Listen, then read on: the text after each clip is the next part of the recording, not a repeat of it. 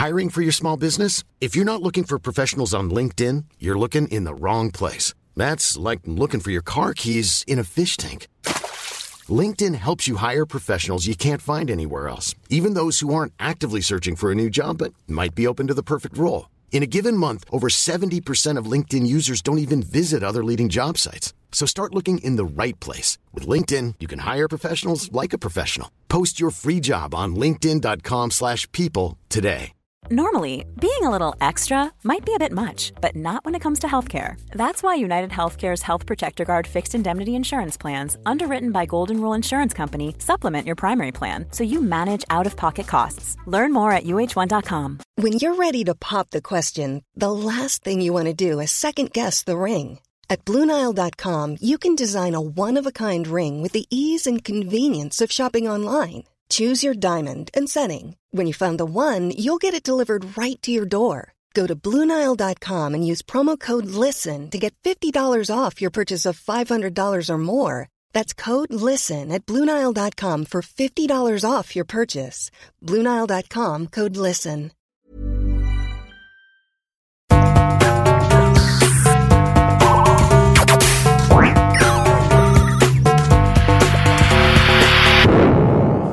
Velkommen til Sinnsyn. Jeg heter Sondre Risom Livre, jeg er psykolog, og dette er Webpsykologens podkast. Hverdagspsykologi for fagfolk og folk flest.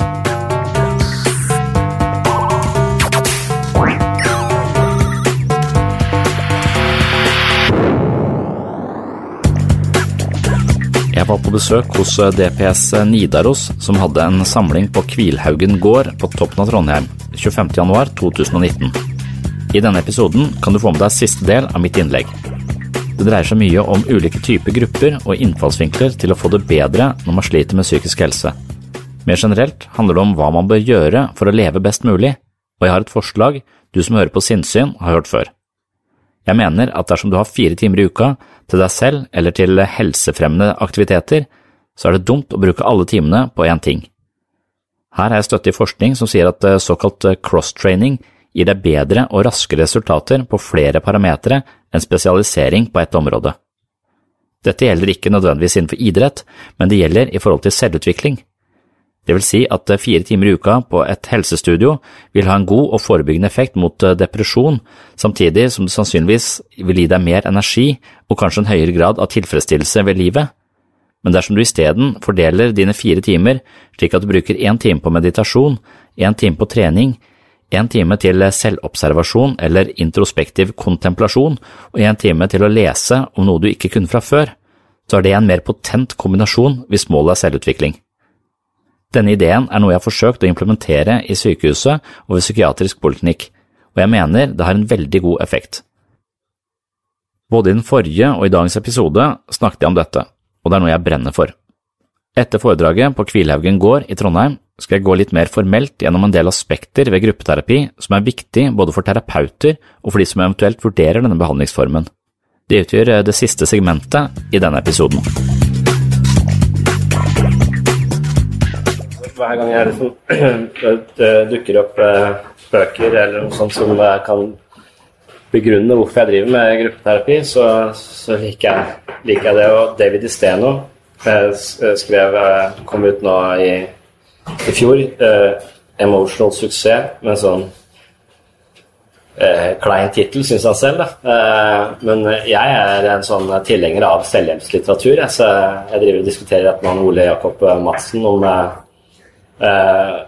om hvor bra og dårlig dette er. Jeg mener han er litt for kritisk til det. Jeg mener det finnes veldig mye god litteratur på det området. Og dette her er en av de bøkene som er virkelig bra. Jeg hundrevis av studier eh, som man oppsummerer i boka, som er fascinerende. Eh, men grunnideen da, eh, i den eh, boka er at eh, det å lykkes i livet og det å ha et meningsfullt og godt liv, det er sånn evolusjonært sett eh, betinget av tilhørighet i flokken.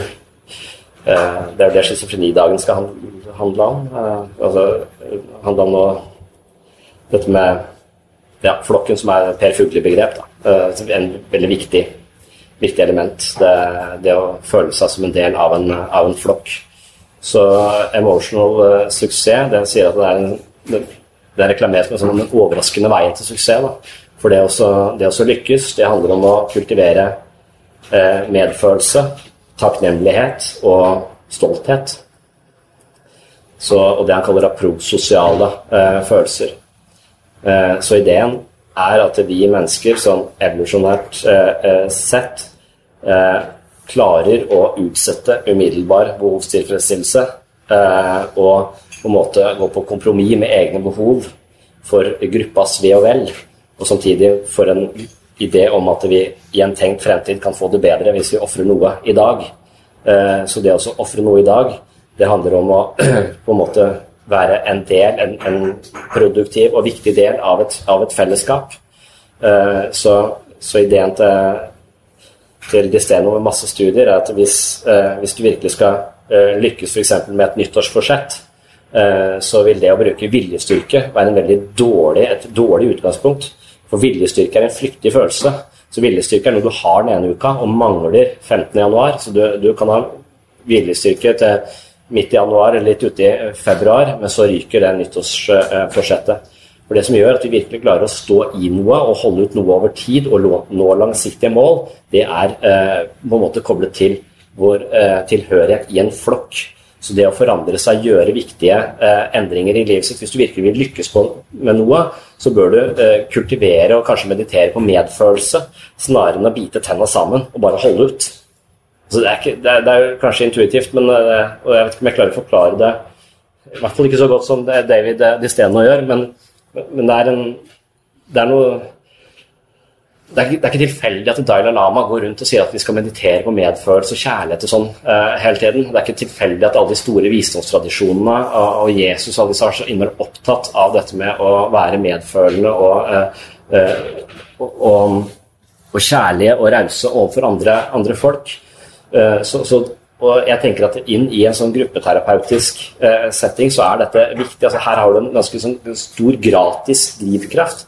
For hvis mennesker klarer å føle at det, er med, at det er til, tilhører en meningsfull gruppe som driver med noe eh, bra for at vi skal få det bedre, så tror jeg den kraften i gruppa, uten, sånn, uten å, at terapeutene spiller så stor rolle, i seg selv har en veldig sånn, terapeutisk eh, funksjon.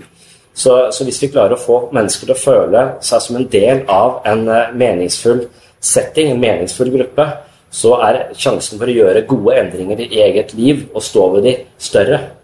Eh, og, og, da må vi også klare å overføre disse gruppene til, til livet der ute. Men, men, kanskje gi dem den opplevelsen av å være delaktig i et meningsfullt fellesskap.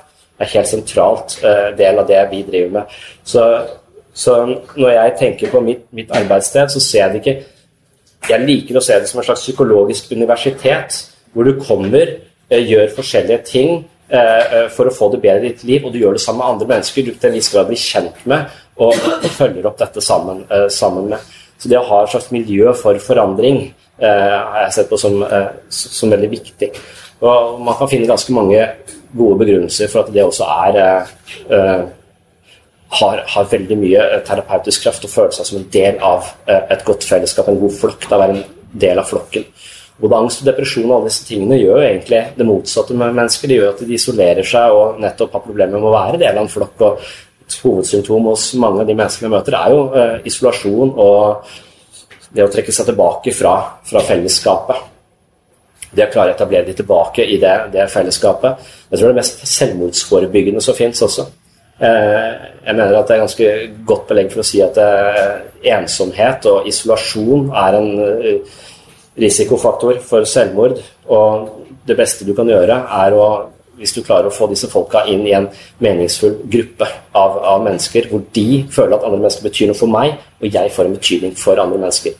Det er det mange er redd for, å ha en betydning for andre. For det er en visst ansvar i det. Da må vi tematisere det, så de blir en del av Men vi har foreløpig ikke opplevd noe, uh, noe, selvmord, selv om mange snakker, uh, snakker om det på tolv år. Altså i, og jeg tror, at, jeg, jeg tror kan, vi kan tenke at en del selvmord har vi unngått pga. Uh, god kultur i en del grupper. Så det er ikke vi som terapeuter som har sørga for at disse menneskene overlever. Det er de menneskene som til sammen har sørga for at dette mennesket har, har overlevd. Uh, og det, det syns jeg det er noe sånn fantastisk med. Det er sånn, kjærlighet til disse fellesskapene. Eh, så kan man også argumentere for Uh, sånn som uh, Jeg er opptatt av Jeg, liker sånn populærpsykologi også, så jeg leste akkurat den boka til, til han Mark Manson, som er en blogger. det er jeg for så vidt selv òg, da. Så den heter Den edle kunsten å gi faen. Den ble oversatt til norsk nå i januar. Eh, han skriver på en sånn veldig sånn eh, han, Jeg har aldri lest en bok med så mange banneord i før, men, eh, men, mange sånne gode gode måter å si Han sa ingenting nytt, men han sa det på en sånn måte at det var, godt, var, var lett å, å, formidle det videre, og det var lett å forstå, og det ga meg et nytt språk på en del av de tingene vi, vi gjør i, i, i, gruppeterapi. Og den derre ensomheten som folk har. Mye ligger i deres egen personlige psykologi. Men det kan jo også være at vi har rett og slett en kultur som er bygd opp rundt isolasjon og, og på en måte en slags fremmedgjøring for hverandre. Eh, for eh, systemet vårt er bygd opp på å vise oss hva vi mangler hele tiden. Eh, for hvis vi mangler noe, så kan vi kjøpe noe som fyller den mangelen, og som fungerer på en måte hele det økonomiske systemet vårt. Så vi har en hel hele, hele, systemet er bygd opp på at vi føler oss eh, mistilpass og utilfredse. Eh, så det å være utilfreds og hele tiden føle på en mangel, det gjør at vi blir ganske egosentrerte. Så, eh, så det å være altså si, Det å være, ha prososiale følelser handler ofte om et slags overskudd. Jeg er i balanse. Jeg er ikke et ego-underskudd som trenger masse fra omgivelsene for å føle meg hel. Jeg er i balanse og har mye å gi. Det er det Maslow kaller metabehov. altså vi har, er Jeg mangler noe, egosentrisme. Idet du får i balanse, så vil, det, så vil det, behovene dine endre seg. Du, du ønsker å gi, gi noe. Men hvis mennesker er i balanse og føler seg tilfredse, så trenger vi ikke å kjøpe så mye heller. og Da kollapser hele systemet og går alt til helvete. Så, øh, så, så, vi er nødt til å hele tiden føle på en mangel. Når vi føler på en mangel, så blir vi mer opptatt av oss selv, og vi sørger for å få kjøpt det, eller få den karrieren, eller få det som mangler, for å føle oss, øh, føle oss hel. Så at vi rett og slett har en kultur som liksom understøtter denne isolasjonen og denne følelsen av, øh, av å mangle noe. Det har jeg tenker på, Hvis du er virkelig radikal Altså, sånne radikale punkere som de har forandring og, og skal knuse systemet og sånn. Det føler jeg bare, Da er bare hjernevaska. Det er akkurat det systemet vil at du skal uh, føle. Mangel og at ting er feil. Så en virkelig radikal person er tilfreds og fornøyd og takknemlig for det han har. Så jeg tenkte å starte et nytt sånn punkband som bare er fornøyd med alt. Uh, jeg mener, Det er de virkelig radikale. Det er de som er tilfredse. Er, eh, da, da, lurer du systemet. Hvis du er tilfreds, så trenger du ikke noe mer. Da, så hvis du virkelig vil uh, uh, lure systemet, så er det det du skal være. Du skal være tilfreds.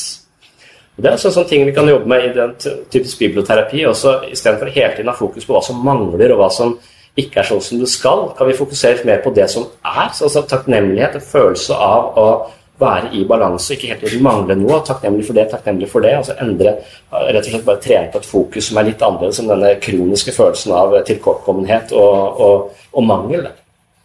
Uh, så, så, jeg tror mye av samfunnet vårt også på en måte bygger opp under en slags uh, isolerende, liksom fremmedgjørende uh, kultur. Mens det da å sette mennesker sammen i meningsfulle settinger kan ha en veldig sånn terapeutisk faktor i seg selv. Ja. Um, så jeg lurer på om jeg skal ta den der Jeg tok lasta ned se, Hvordan jeg finner den nå? Mm. Kanskje her.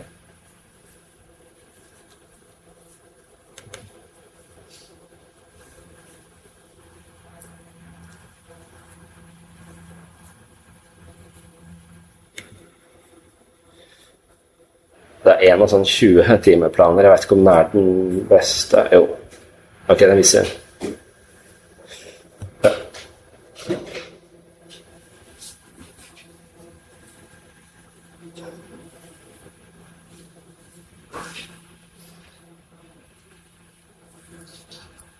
Så jeg tok med alle disse arkene, eh, hvis dere vil se på dem, eller ha dem så jeg liksom bygde opp min hverdag på bakgrunn av at jeg ønsker å intervenere på flere arenaer samtidig. Og jeg definerer meg selv som uh, uh, Ok, denne, det, er, det, er, så mange sånne, men jeg definerer meg selv som terapeut idet jeg er gruppeterapeut. Og jeg driver med gruppeterapi på mandag, eh, på tirsdag, nei, på mandag formiddag, på tirsdag formiddag, på onsdag formiddag og på torsdag formiddag. Eh, da er jeg i, gruppeterapi. Og så følges det opp av det jeg kaller eh, biblioterapi. Disse her er litt gamle, så, jeg, så nå kaller jeg det bare biblioterapi. Også kalt workshop i, i, i selvutvikling. Eh, og eh, store deler av eh, Ja, det ble nødvendigvis ikke den riktige eh, Jeg kan laste ned den for Jeg har maila til meg selv. Hvis dere vil ha det på mail òg, men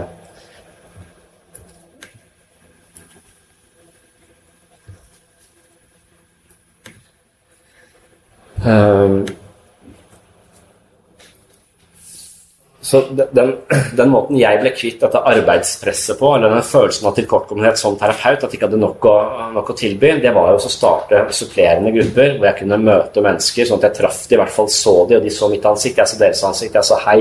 Eh, vi diskuterte kanskje noe i biblioterapi eh, eh, ved å ha da disse supplerende tiltakene. Og jeg prøver hele tiden å få uh, å reklamere på en måte for det da, til, til poliklinikken.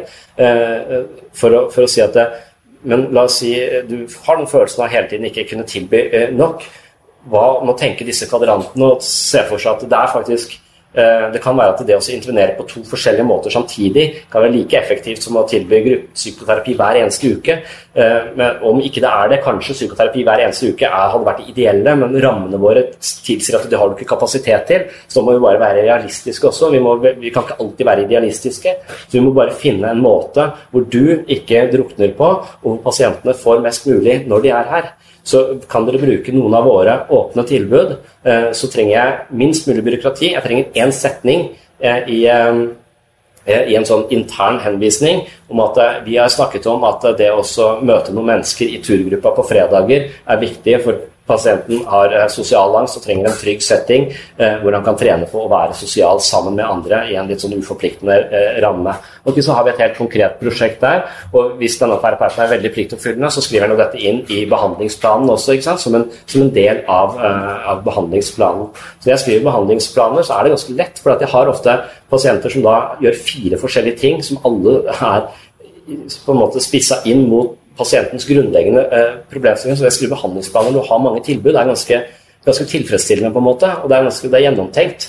Eh, så, så, jeg ønsker at flest mulig folk skal kunne eh, tenke bredere, tenke i disse kvadrantene når de har mennesker på kontoret, kontoret sitt, og da kanskje gjøre at prosessen går Kanskje de får mer ut av det mens de faktisk er her. Kanskje vi kan korte ned eh, prosessen, eller kanskje vi kan gjøre prosessen faktisk litt lenger innimellom. Eh, så Istedenfor at du får ti timer på, på rappen, så får du kanskje ti timer, men bare én gang hver 14. eller hver tredje uke, så vi tar det over et lengre perspektiv. Men i tillegg så har du da kommet i gang med trening, du har lært deg å meditere, du har lært deg stressmestringsteknikker, og du har fått mye mer i denne perioden, mens terapeuten har brukt de samme eh, antall timene, men da fordelt over en lengre, eh, en lengre periode. Det kan kanskje være fornuftig i noen, eh, i noen sammenhenger. Så det å ha disse åpne gruppene som krever litt lite eh, sånn eh, DIPS-aktig teknisk byråkratiske ting som det er lett å, å, å, få folk over i, og vi kan stå der og, og møte dem. Og vi har ikke så mye ansvar da. Altså eh, når jeg skriver journalnotater fra dette, så skriver jeg samme notater. Jeg skriver det samme. Eh, og så, så, pumper jeg det ut i 30 journaler samtidig. Det hjelper sekretærene eh, meg med. Så at jeg skriver ett eh, notat i forhold til hva vi har drevet med i biblioterapi de siste 14 dagene. Og så, og, så, og så, skriver jeg noe om hvordan gruppa fungerer, og så pumper jeg dette ut i eh, journalen til de 30-40 menneskene som går i biblioterapi hver, eh, hver uke. Eh, så, så det, er ganske, det, er veldig lite Det er veldig mange mennesker jeg kan få, få møtt, og det er veldig lite journal, journalkrevende. Og det, det, er den retningen jeg går. i. Jeg vil gjøre mest mulig sammen med folk, og minst mulig i DIPS. Da da lider jeg litt når jeg skriver eh, journal. Eh, det syns jeg er eh, kjedelig. Mm. Så på, um, på dypet her så er det liksom På tirsdager da, så, så begynner jeg gruppepsykoterapi. Eh, og det har vi snakket om hva det er for noe. Når vi er ferdig med gruppepsykoterapi, så tar vi et kvarters pause, og så går vi inn i det jeg kaller biblioterapi. Og biblioterapi må jeg snakke om, for det er, liksom, det, er det jeg føler jeg uh, har uh, lagt mest eh, kapasitet og investert mest mulig av, meg selv i. Og jeg vet ikke om så mange andre som driver det, selv om det ikke er noe originalt uh, uh, for oss, så, så, har jeg ikke hørt hos veldig mange som driver det. Jeg syns det er en smart måte å, drive på. Jeg elsker den formen. Så noe av det gøyeste jeg gjør hver uke, det er det jeg kaller biblioterapi. Vi har hatt psykoedukative grupper. Det, er vel det det egentlig er, en psykoedukativ gruppe. Men vi har også hatt undervisning. Det føler jeg ikke funker. Undervisning funker litt, men, men uh, det å ha powerpoint syns jeg er litt, sånn, det er litt kjedelig. Så biblioterapi er mer denne ideen om at vi hver uke leser en artikkel, eller gjerne hører en podkast. Jeg har en podkast som heter Sinnsyn. Jeg snakker sånn som dette her om psykisk helse innenfor uh, for mange. Så ofte så kjører vi en semester hvor vi bare hører podkastepisoder. Uh, for noen syns det er lettere å høre enn å, å, lese. De som liker å lese, de får også da en artikkel. Så jeg har jo et nettsted som, eh, som heter webpsykologen.no, og en podkast som heter Sinnsyn. Og der har jeg på en måte prøvd å oppsummere veldig mye av de vanligste psykologiske teoriene i kortere versjoner som er lett tilgjengelig eh, for folk. Så en av mine prosjekter for, for en stund siden da, det var også å lese Jeg hadde en sånn, eh, hadde en sånn liste på 100, de 100 mest solgte psykologibøkene og selvhjelpsbøkene som er skrevet og har mest, hatt mest innflytelse. Så hadde jeg et sånt prosjekt hvor jeg skulle lese alle disse.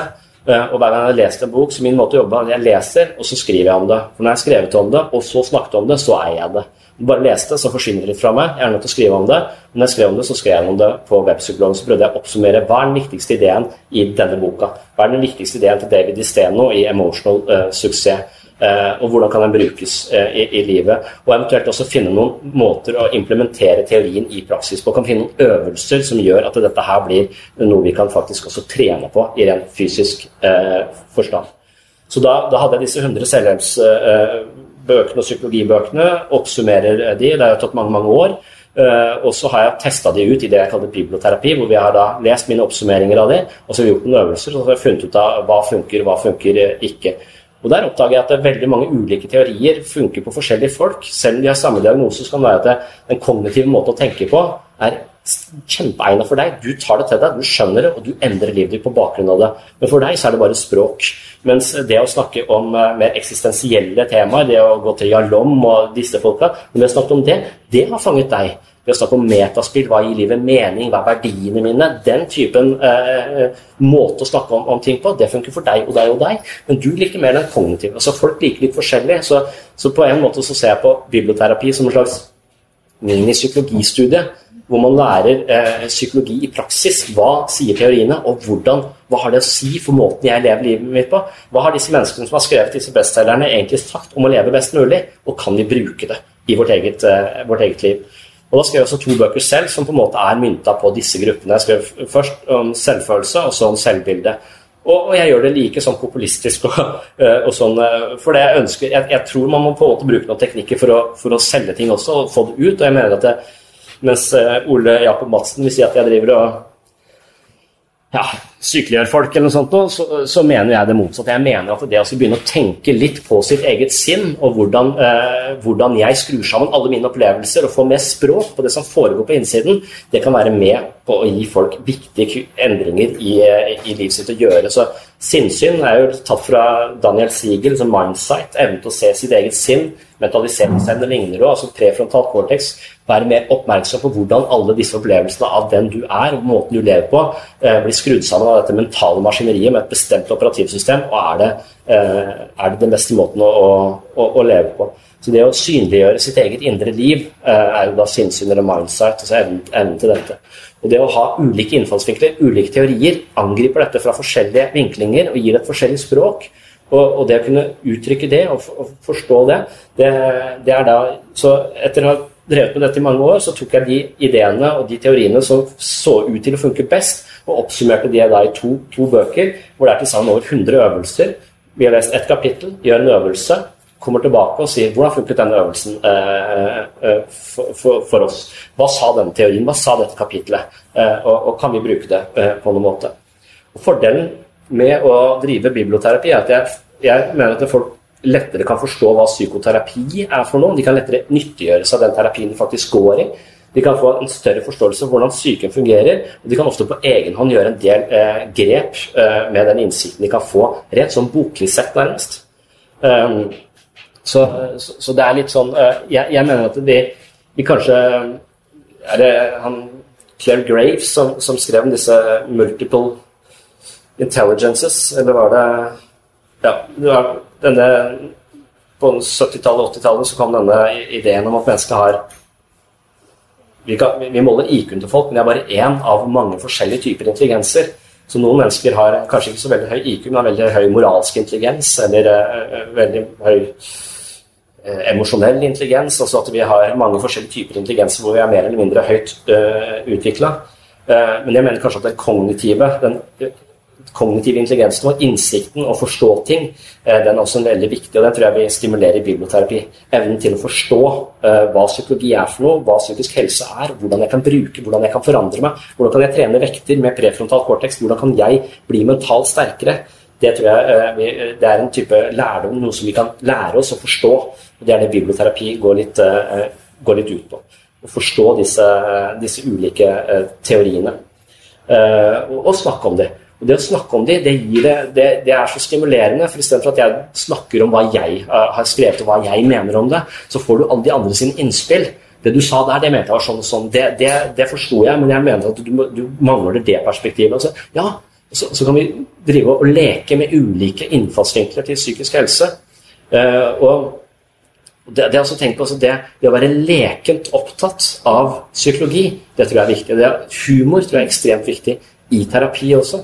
Jeg tror jeg er opptatt av standup-komikere. Jeg syns, jeg, jeg syns de, de, gjør det vi driver med i, i, i, i gruppeterapi. Altså, de blåser opp små ting og gjør det kjempestore så vi faktisk ser dem.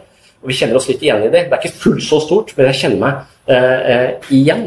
Eh, og, og, de setter ord på det, og de gjør det som før kanskje bare var litt sånn i skyggen av eh, min bevissthet, tydelig, eh, tydelig for meg. Så jeg tenker at det vi driver med i biblioterapi Vi leser psykologi og filosofi til en viss grad. Og så leker vi med de tankene. Men de menneskene jeg møter i den gruppa, de er ikke spesielt lekne. Det er ofte problemet deres. Eh, det er, eh, er det Winnicott som er veldig opptatt av leken og, og, dette rommet mellom fantasien og virkeligheten, som er leken, hvor, hvor på en måte mennesket eh, lærer seg å, å, forstå seg selv og forbereder seg på livet, på en måte. Og jeg, jeg tenker at leken er utrolig viktig, men mange av de menneskene jeg møter, har ikke fått lov til å leke. For de har bare vært opptatt av å være trygg nok. For de har ikke hatt noe, noe trygg base, og da er det umulig å, å Da er det ikke plass til lek og nysgjerrighet og iver. Så, så de har på en måte Så isteden, når, når de forholder seg til sitt indre liv, så er det mer som å Jeg ser for meg at mitt indre liv er en slags sandkasse hvor jeg kan bare sette sammen ideer. Jeg føler ikke at jeg har så mange originale ideer selv. Men jeg føler at jeg er flink til å plukke opp andres ideer og sette de sammen og sjonglere de og, og undersøke de. Hva betyr de? Eh, og, og, da føler jeg at jeg leker i en slags sandkasse av ideer. Eh, og, og, det tror jeg er viktig, mens de menneskene jeg møter, de har et slags indre pukkverk. Hvor det går rundt der er livsfarlig, for en svær en idé er som en kampestein som du får i hodet og slår deg i hjel.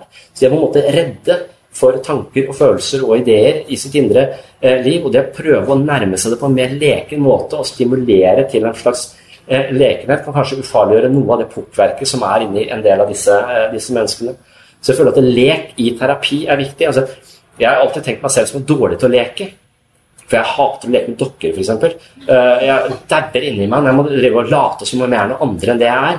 Men en, en, voksen måte å leke på er kanskje ikke å leke med dokker, men det er kanskje å leke med ideer og humor og sette sammen forskjellige ting. En sånn slags nysgjerrighet og åpenhet for, for disse tingene.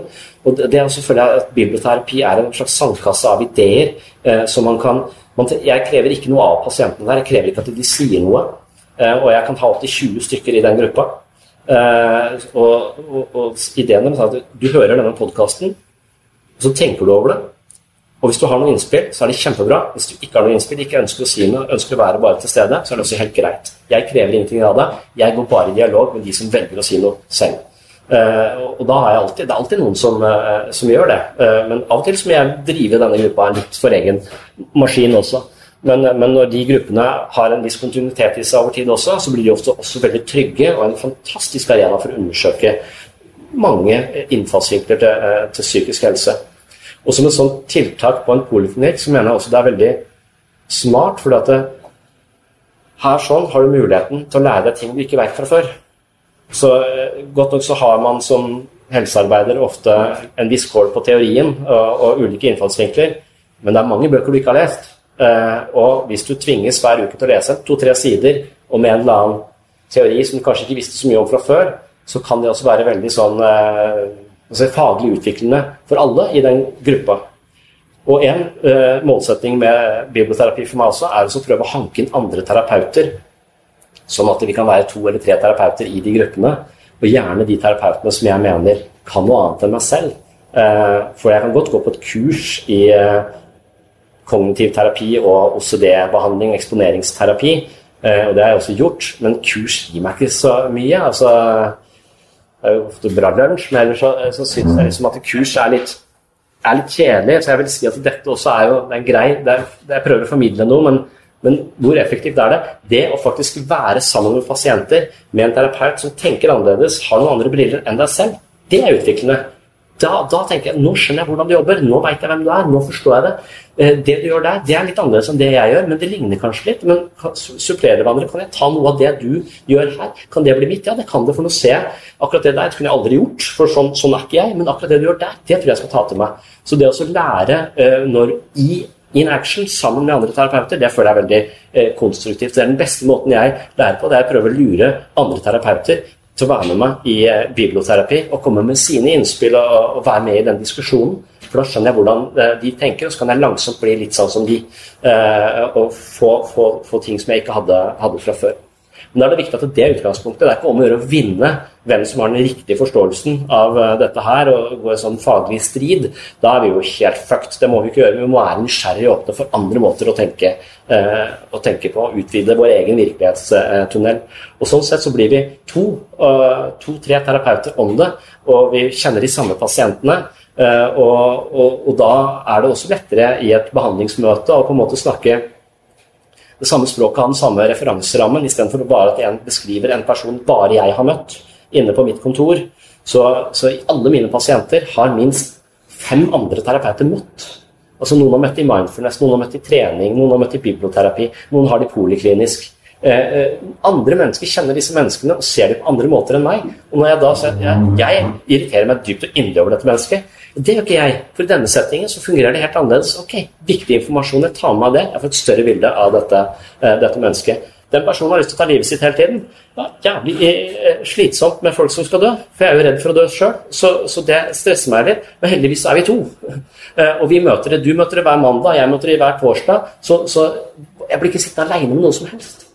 Jeg, blir, jeg, har, jeg, er aldri på en måte ensom. Og det tror jeg er en kjempefordel med å ha grupper hvor man er flere terapeuter som ser det samme, og som møtes. Ikke bare i en sånn beskrivelse av hva jeg driver med på mitt kontor og hva du driver med på ditt kontor, men faktisk møtes sammen med pasienter. Så jeg hater behandlingsmøter. Jeg har det ikke. Eh, men jeg har lunsj sammen med mine fem koterapeuter i ulike settinger. Og da spiser vi og snakker om det som faller oss inn. Ofte så er det det som akkurat har skjedd i gruppene, og hvordan vi selv reagerer på det. Eh, men vi gjør det litt uformelt under, eh, under lunsj. Så jeg har ikke sånne strenge behandlingsmøter. Det, det, blir for ja, det blir for lite lekent, syns jeg. Så, så, det å være interessert og snakke om det som faller oss inn Og da kan vi godt snakke om at Terje krasja bilen i går, var forbanna over det. Det var det som var viktig da. Eller vi kan snakke om, uh, om han som uh, har mer eller mindre sånne tvangsprega ideer om å krasje i en vegg og hele tiden skal, uh, skal, dø, og hvordan det på en måte lammer gruppa litt. Hvor han hele tiden fanger oss i denne frykten for at han skal, skal, ta livet vårt, og hvordan vi skal løse det problemet. Så, så vi, jeg, vi, vi, spiser lunsj og, og, snakker om det som interesserer oss. Um, Istedenfor å tvinge folk inn i lange behandlingsmøter hvor det er en streng struktur osv. Det, er, det er ikke Og dette kan jeg sikkert gjøre, for det, det, er bare Jeg er på en måte teamleder, da, og så er det da disse fem-seks eh, terapeutene som er i dette, dette, teamet, og så er det ingen som driver og overvåker oss. Og hvis de begynner å overvåke oss, så bare flytter vi rom til et annet sted hvor det ikke er overvåkning. det måtte vi gjøre tidspunkt. Det kom noen inn og mente at vi snakker fag i lunsjen. jeg skal ikke gjøre sånn. Da da får vi gå til hans sted. Altså, vi snakker om det som interesserer oss, og som er Så jeg, jeg ja. Men finnes det noen pasienter som blir på en måte litt klemt? Fordi man er ikke opptatt av alle pasienter like mye? Ja. Og hvis det ikke har skjedd noe spennende, egentlig, men det er kanskje problemet i seg selv. Altså, Ja. Hvis det ikke er strukturert, kan det jo skje at man blir kjent. ja. Men er det et problem? da? Det er Altså at man ikke snakker om noen pasienter, da. Fordi de er kanskje litt sånn usynlige. Ja, men jeg tror vi har det litt tilbake. Du er litt sånn freudiansk orienterte, så, så hver gang jeg sier Du veit han Hva heter han? Han, han eh, Ikke sant? Der, allerede der. Og så sier Ja, du husker ikke engang hva han heter, ikke sant? Ja. Nei, det stemmer. Jeg aner ikke hva han heter. Jeg pleier å huske navn, eh, eh, men jeg husker ikke navn på folk som er usynlige. Eh, så, eh, så det er eh, så, så ofte så går vi som Ja, vi har den, den og den, og så er det Ofte så tenker jeg gjennom Eh, klarer, jeg å nevne alle navnene på alle som er i psykoterapigruppene? Det klarer jeg ikke i biblioterapi, for det er så mange.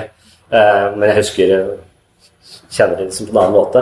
Men, men, det, ja, det, eh, men glemt så glemt. Vi, hvis vi, de som blir usynlige for oss, vi ønsker å dra de da mer inn. Uh, og vi vil tematisere det, og vi ser det jo ofte da tre ganger i uka. Mens det er lettere for meg å glemme polikliniske pasienter, for å si det sånn. For noen ganger så, så står et navn og tenker jeg, hva faen er det? Må jeg inn på Facebook? Eh, og så glemte jeg å skrive fra forrige, fra forrige time, så husker jeg husker rett og slett ikke hvem dette mennesket her er. Eh, så er jeg gjerne i starten, eh, så, så jeg, og så er jeg liksom dårlig på skrivejournal også, ikke sant? så jeg klarer ikke å Så jeg sier jeg, ja, det var han, stemmer det, så han er helt glemt. Eh, så heldigvis så møter vi de såpass ofte at det er jo litt vanskelig å, å glemme de. Men det blir jo et tema i en gruppe også veldig ofte. Noen melder seg litt ut og sitter på siden, og en gruppe vil ofte bli litt sånn eh, De kan bli litt sånn skeptiske også. altså Vi deler masse av oss selv, vi er helt åpne, men du sier ingenting. Hvem er du? Du bare tar informasjonen vår, men gir ingenting av deg selv. Det finner vi oss ikke i. Si hvem du er. Så grupper er også litt flinke til å ta de usynlige og, og kreve noe av dem. Og få de, få de fram. Mm. Er det flere innspill eller noen tanker om maks antall grupper samtidig man skal gå på? Eller kunne man være med på alt De kan i prinsippet være med, eh, med på alt. samtidig? Ja, det er, den timeplanen, så det, det går liksom Det kommer an på Ja. Så, så når jeg driver gruppepsykoterapi, så har jeg disse åtte pasientene eh, på, på tirsdag og torsdag. Forskjellige pasienter. Eh, og så har jeg åtte pasienter i en annen type psykoterapigrupper som er mer omfattende. Men de som bare går halvannen time i uka i gruppepsykoterapi, de ønsker at skal være med i hvert fall i biblioterapi. Kanskje noen av de trenger å lære seg å meditere, kanskje noen trenger å trene. Så, så vi bygger på. Men noen går bare i gruppepsykoterapi. Eh, Men jeg mener selv, selv om jeg ikke forsker på det, så mener jeg at de som da går i flere grupper, ofte har en raskere progresjon. eh, Og, og, og er mer følelse av at de er del av et miljø som, som jobber på ulike områder for å forandre seg. Så vi tilstreber at folk skal være med i flere, eh, flere grupper. Hvis de jobber, så er det dumt. Liksom, vi går ikke på, da er det det viktigste. Altså, da kan de komme halvannen time hver tirsdag morgen, og så er det det. Det er det som ja. Så det var diagnoseuavhengig. Men eh, blander du masse ulike funksjonsnivåer og diagnoser i samme gruppe? Nei, altså jeg blander eh, diagnoser, men jeg blander ikke eh, Så vi har jo, vi har jo psykoseteam, vi har et sant, som driver med rus og psykiatri og, eh, og sånn, så vi har ikke de. Eh, men vi, har en, eh, en, vi er en allmennpsykiatrisk orientert, så vi har de fleste eh, mennesker. Men jeg bare merker litt på egostyrken når jeg møter det, sånn er det jeg sorterer til. Og hvis de, hvis, de hvis det er unge mennesker med litt lav mentaliseringsevne, så tenker jeg at her må det mye til for å løfte deg. Eh, Og da tar jeg det inn i det som heter miljøterapeutisk gruppe. Og det betyr at de kommer på mandag morgen, er til klokka to eh, på dagen. Så kommer de på onsdag morgen halv ni og er til klokka to. De kommer på fredag morgen og er til klokka to. Så de er tre hele dager eh, i uka. Hver mandag så har vi en målsettingsgruppe og en biblioterapigruppe. I tillegg til at de trener, i tillegg til at de faktisk lager noe på et verksted.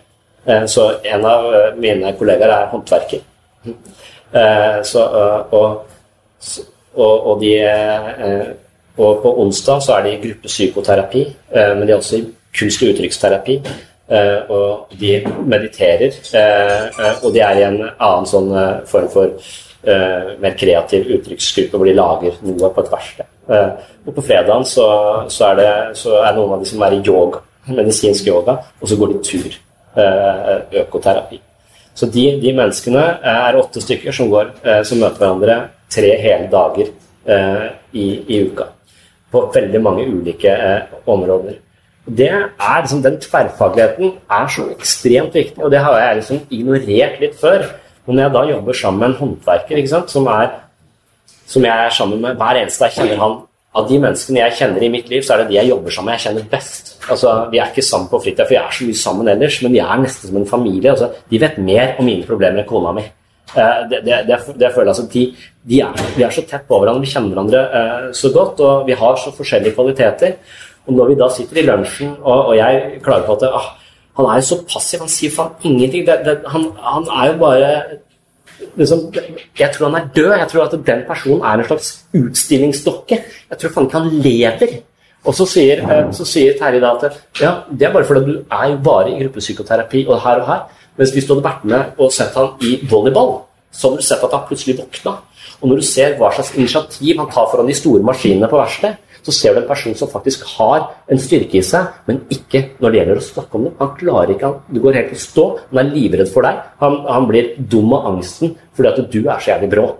Uh, i, i, i, i, gruppa. Så hvis du hadde sett ham på den andre uh, aspektet, så hadde du et helt annet blikk. Og det er akkurat det jeg får når han forteller hvordan det er. Og den andre terapeuten min er med i også den gruppa, så hun kan se og trekke fram de elementene ved det mennesket, så jeg får et mye større bilde. Så det å drive og utrede noen mennesker på et kontor uten å se dem i en jobbsituasjon, som er dette på, på det verste, eller se dem i en Noen mennesker er så passive og tenker noen ganger sier jeg at jeg skulle ønske vi spilte fotball sammen. Jeg ser, hadde, jeg bare, hadde, bare, hadde jeg bare løpt gjennom deg på banen, eller hadde du faktisk stoppa meg og takla meg? Fins du? Eksisterer du? Uh, og I volleyball så ser man at noen mennesker blir stående sånn, men plutselig så, så er de der. Og så, og så, og så våkner det noe, noe i dem. Så jeg tenker, jo, Og treningsgruppen, også fysioterapeuten, er flink til å se på, på, hvordan mange av disse menneskene, altså hele, hele frykten deres og hele panikken og, og den avhengige personlighetsforstyrrelsen sitter jo her. Ta vare på meg, og jeg klamrer meg til deg. Hva hvis du da trener de musklene som er mellom skulderbladene her, sånn at du blir sånn?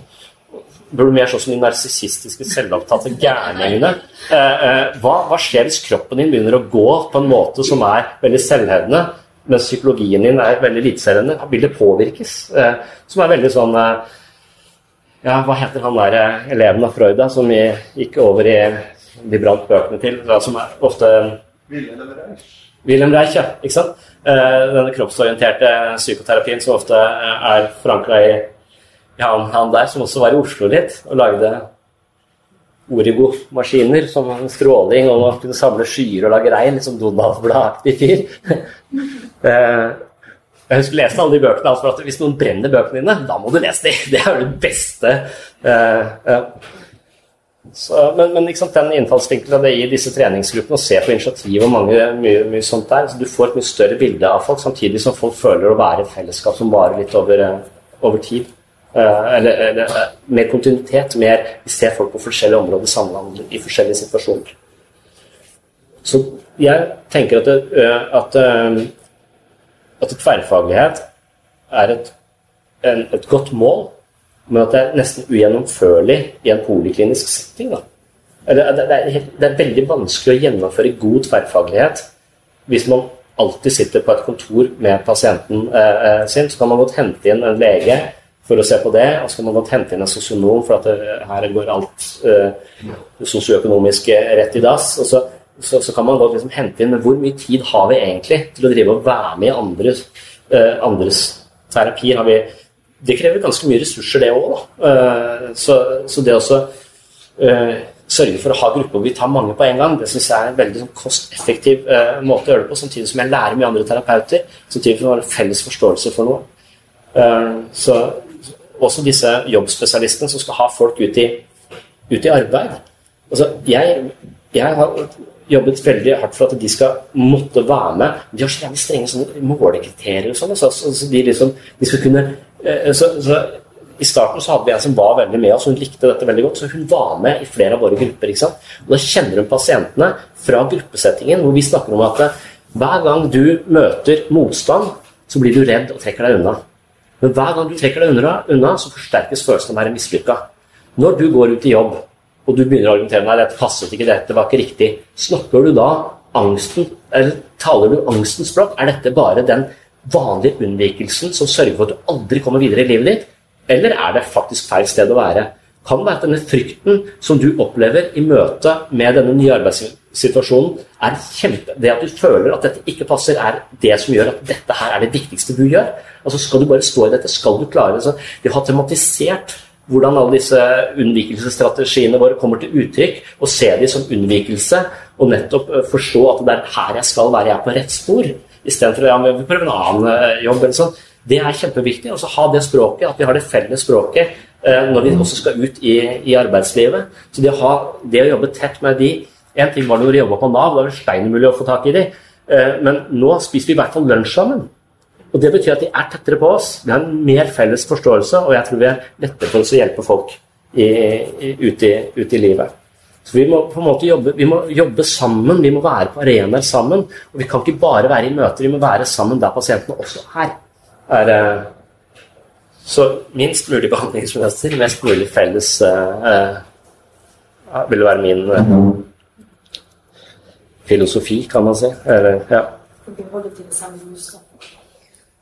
Ja. Mm.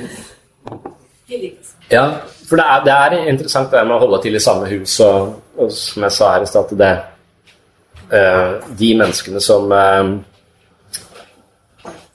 som bruker dette tilbudet og som føler at vi er en avlastning for dem, de er ikke så veldig mange. Det er fortrinnsvis de menneskene som bor i samme etasje som oss. Så det er noen få uh, terapeuter fra poliklinikken som har blitt henvist til kjelleretasjen hvor vi uh, er. Det er ikke noe dårligere med kjelleretasjen, altså det er bare det første. Men de i kjelleren. Også, uh, eh, men de er tettere på oss, og avstand i meter har noe å si for hvor mange de undersøker jeg på et tidspunkt. altså at De som er i samme etasje som oss, har kanskje ti pasienter i et av våre supplerende tiltak. Hvis du går en etasje opp, og så antall meter fra, fra våre lokaler avgjør hvor mange pasienter de har i Eh, i våre tilbud. Så hvis du går en etasje opp, så har du halvert antall pasienter den enkelte terapeuten har i våre supplerende tiltak. Eh, så, så det er eh, Vi klarer ikke å føles som en helhetlig Så det, det er så fint å ha en sånn helhetlig idé om hvordan du skal drive dette. Nei, vi har ikke en helhetlig idé. Vi har en helhetlig idé, men vi er fem stykker. Eller seks-syv stykker. Vi har en helhetlig idé, og vi driver det på denne måten. Og vi føler vi får veldig masse avlastning på denne måten, og vi føler vi aldri står alene. Og vi føler vi har mange mulige tilbud å, å, å gjøre, og vi stimuleres. Og jeg får trent, jeg får meditert og trent i arbeidstida. Og jeg, det er ja, meditasjon også noe jeg ønsker å drive med, men jeg syns det er vanskelig med, med barn. Eh, for hver gang jeg prøver når barna har lagt seg, så er jeg jo så utslitt at jeg sovner momentant. Uh, Men når en pasient faktisk da havner i sånne grupper, er det da veldig overlatt tilfeldighet, da? På en måte. Mm. Ja. Det er kanskje litt synd. Ja. Akkurat sånn som uh, den derre uh, dame 42 vondt i kroppen. Altså, hun havner enten på benken hos meg i 100 timer, eller hos Niklas i to timer, eller hos Elin i seks timer. Det er det samme problemet. Eh, samme, eh, men, men, det er vidt forskjellige intervensjoner. Men alt funker. Det er ingen, det er, Niklas gjør ikke noe galt.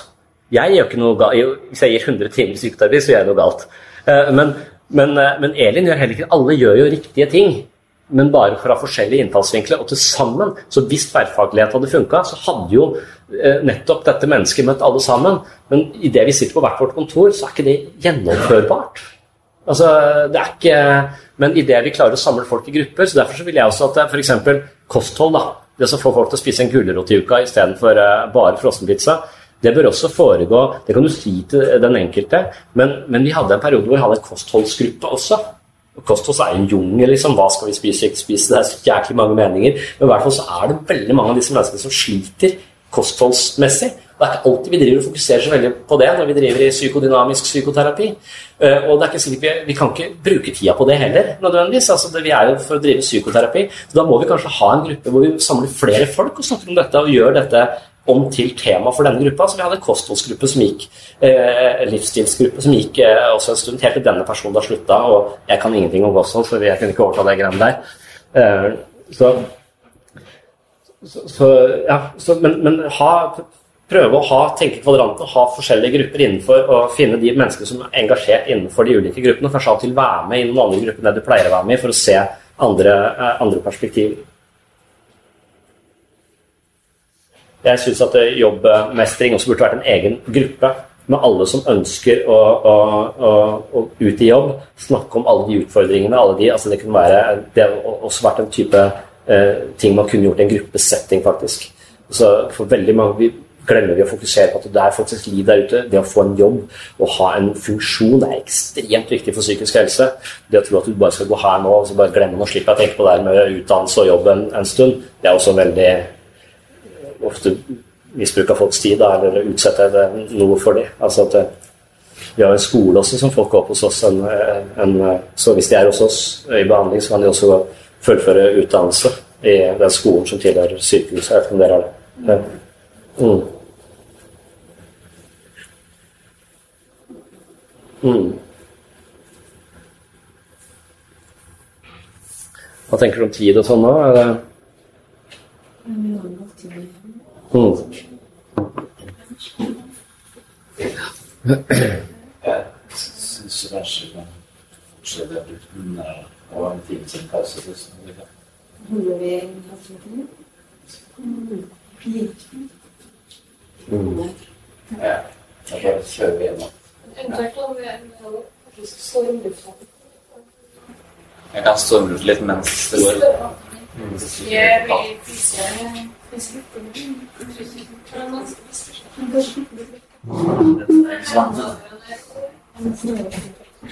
kanskje ikke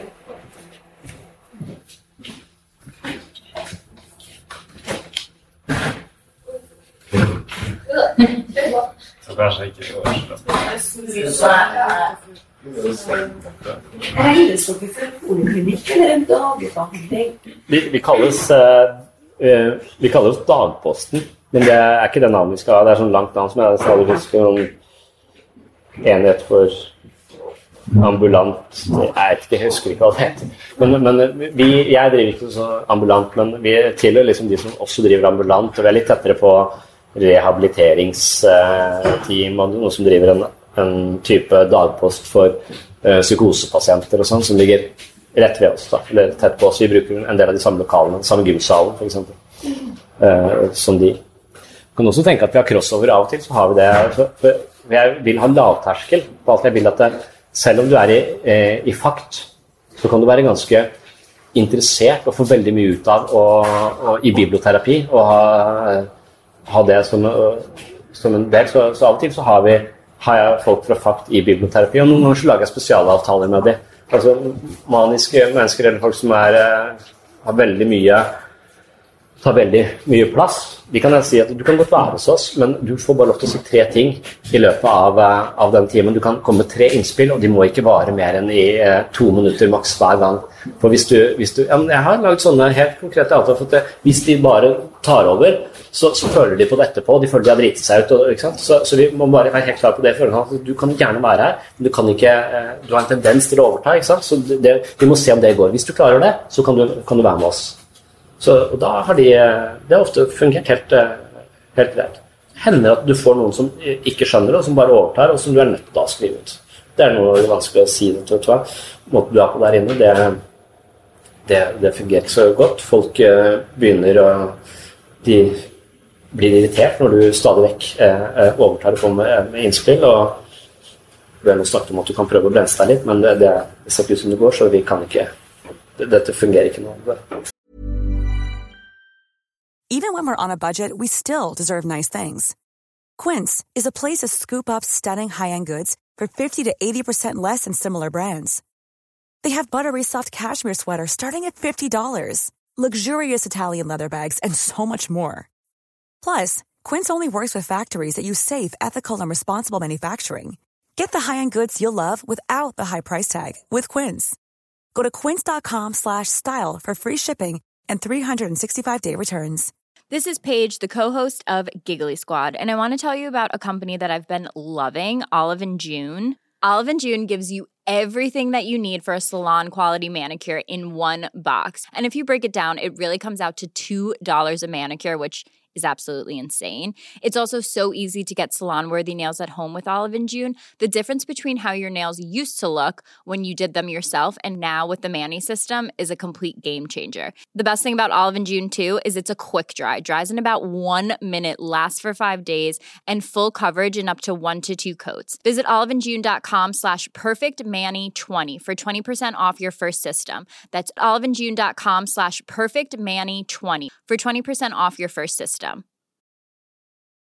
Quality sleep is essential. That's why the Sleep Number Smart Bed is designed for your ever evolving sleep needs. Need a bed that's firmer or softer on either side? Helps you sleep at a comfortable temperature? Sleep Number Smart Beds let you individualize your comfort so you sleep better together. JD Power ranks Sleep Number number 1 in customer satisfaction with mattresses purchased in-store. And now save 40% on the Sleep Number limited edition Smart Bed for a limited time. For JD Power 2023 award information, visit jdpower.com/awards. Only at Sleep Number stores or sleepnumber.com.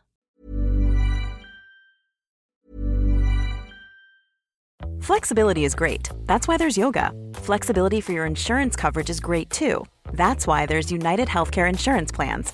Underwritten by Golden Rule Insurance Company, United Healthcare Insurance Plans offer flexible, budget friendly coverage for medical, vision, dental, and more. One of these plans may be right for you if you're, say, between jobs, coming off your parents' plan, turning a side hustle into a full hustle, or even missed open enrollment. Want more flexibility? Find out more about United Healthcare Insurance Plans at uh1.com. Mom deserves the best, and there's no better place to shop for Mother's Day than Whole Foods Market. They're your destination for unbeatable savings, from premium gifts to show-stopping flowers and irresistible desserts. Start by saving 33% with Prime on all body care and candles. Then get a 15-stem bunch of tulips for just $9.99 each with Prime. Round out Mom's menu with festive rosé, irresistible berry chantilly cake, and more special treats. Come celebrate Mother's Day at Whole Foods Market. Planning for your next trip? Elevate your travel style with Quince. Quince has all the jet setting essentials you'll want for your next getaway, like European linen, premium luggage options, buttery soft Italian leather bags, and so much more. And is all priced at 50 to 80% less than similar brands. Plus, Quince only works with factories that use safe and ethical manufacturing practices. Pack your bags with high-quality essentials you'll be wearing for vacations to come with Quince. Go to quince.com slash pack for free shipping and 365-day returns. Der er gruppeterapeuten kommer inn og ønsker at jeg er veldig opptatt av miljøet i gruppa som helhet. Jeg er mer opptatt av at gruppa skal ha et høyt mentaliseringsnivå. Og så, når jeg selekterer på senter, så er det også ofte med at det, disse menneskene har et ganske høyt mentaliseringsnivå, og derfor så fungerer de, de, de hjelper denne gruppa så mye. Så det hender at jeg ikke skriver ut folk bare fordi at de fungerer så bra i gruppe. Så sier de ja, nå føler jeg at jeg er ferdig. Og jeg sier nei, jeg tror ikke det. Eh, du tror at du er frisk, men eh, jeg kan godt se at du trenger et halvt år til for i psykoterapi. Fordi det hjelper gruppa så mye, ikke sant. Eh, Så, men eh, nei. Er det noen gang åpen på det? Mm. Er det noen gang åpen det at det hjelper gruppa? At det er en fordel for gruppa om du fortsetter? Ja, jeg, gjør- jeg gjør ikke det, ikke sant? men jeg sier det. Ja, jeg sier at, eh, og, og det er derfor du skal slutte òg, for nå, vi kommer til å savne deg. Eh, Du fungerer så du, du, du gir så mye til denne gruppa, det, er så meningsfullt. eh, Det du, men du får ikke noe mer ut. Du, du har gitt ditt. Og, så ja. Det er jo ofte et tegn på at de da er friske, liksom. At de Ja. Jeg synes jo det, det liksom er sånn mål på Når folk skrives ut fordi det har funka, så er det fordi at det, vi på en måte Det er sånn nesten trist når de går. Altså nå, eh, det, det er en relasjon fra å være helt turbulent, og de har hata meg, og de har eh, gått i protest, og de har, det har vært en voldsom Og de har klart å rydde opp i det, vi har klart å ordne disse, vi har klart å forstå hverandre, vi har klart å nærmes, vi har klart å løse disse tingene på en konstruktiv måte. Og de har lært seg det, disse strategiene, og jeg har lært mye om, om å møte det, det mennesket. så så går de ut eh, og, og med et bånd som er veldig sterkt. Mye sterkere enn jeg kanskje har til noen venner som er mer sånn overfladisk. at det, disse menneskene bor i meg resten av Noen mennesker bor jo i oss kjempelenge, ikke sant? for at vi lærte så mye om oss selv. Vi, lærte, og vi tror de lærte, ofte så lærte de også like mye om seg selv. Så det blir verdifulle objektrelasjoner, kan man si. Da. Eh, I, i, som vi ofte Hæ? Jeg kan kjenne godt igjen. Ja. Mm. Ja, så, så, man kan si veldig eh, Jeg vet ikke hva mer jeg skal si. Altså, eh, jeg håper at det kan inspirere til å på en måte eh, lage flere arenaer for forandring som kan supplere hverandre ut fra disse kvadrantene. Og drive det i en gruppeform også kan skape ofte mye god tilhørighet. Og det å få til et miljø hvor folk kjenner folk litt mer, som et, mer som et slags psykologisk universitet, enn at vi sitter isolert på hvert fall kontor, det tror jeg vi har kjempemye Det er masse terapeutisk eh, effekt i, i, de tingene. Veldig ofte så kommer folk da inn f.eks. i samtalegruppe og biblioterapi, og så blir de kjent med noen der som sier at ja, jeg går i mindfulness også. Hva er mindfulness? Og så får de beskrevet dette ikke fra oss, men fra noen andre som har erfaring. Så jeg, du, det er noe rør hvor vi sitter helt stille inne i et rom. Det er bare piss. Det trodde jeg lenge. Men så plutselig så har jeg skjønt hva det er for noe. Og så du hører her hvordan det egentlig Men du må bare holde ut den første, første tida. ikke sant? Så, så, de får det ofte via noen andre enn faktisk oss. Og så, og så, er de litt med på å lage sitt eget, sin egen plass. Så kommer de til oss du, den mindfulness-gruppa, er det mulig å være med der? Ja, det er det. Der har vi noen ledige plasser. Der tar vi opp til 20 veldig sjelden vi må avvise folk pga. plassmangel. Når vi har sånn, vi har 24 stoler i det rommet. Biblioterapi ligner dette. Det ser akkurat sånn ut som dette her. Så vi er omtrent den typen. Dette vil være en typisk biblioterapigruppe. da. Eh, hvor, ja. Så, og mindfulness, jeg vet ikke om dere driver det, det også, men jeg, men jeg, opplever det som veldig som en veldig viktig del av uh, som et veldig viktig supplement til uh, psykoterapi. Eh, og jeg tror at kombinasjonen mindfulness og eh, innsiktsorientert psykoterapi er eh, veldig verdifull. Jeg føler det er Østen og Vestens psykologi på en måte, som, som har forskjellige innfallsvinkler til, til, å trene prefrontal cortex. Så hvis du ser på mennesker som har, gått, har meditert lenge eller gått i vellykka psykoterapi, så er det økt aktivitet her i panna, som er den objektive kriteriet for de, de, har mer oversikt, på en måte. Mens den, den mindfulness handler jo om å observere sitt eget indre, indre, liv uten å ta stilling til det, uten å, uh, uten å dømme det. Bare, bare, rett og slett beskrive, beskrive, det.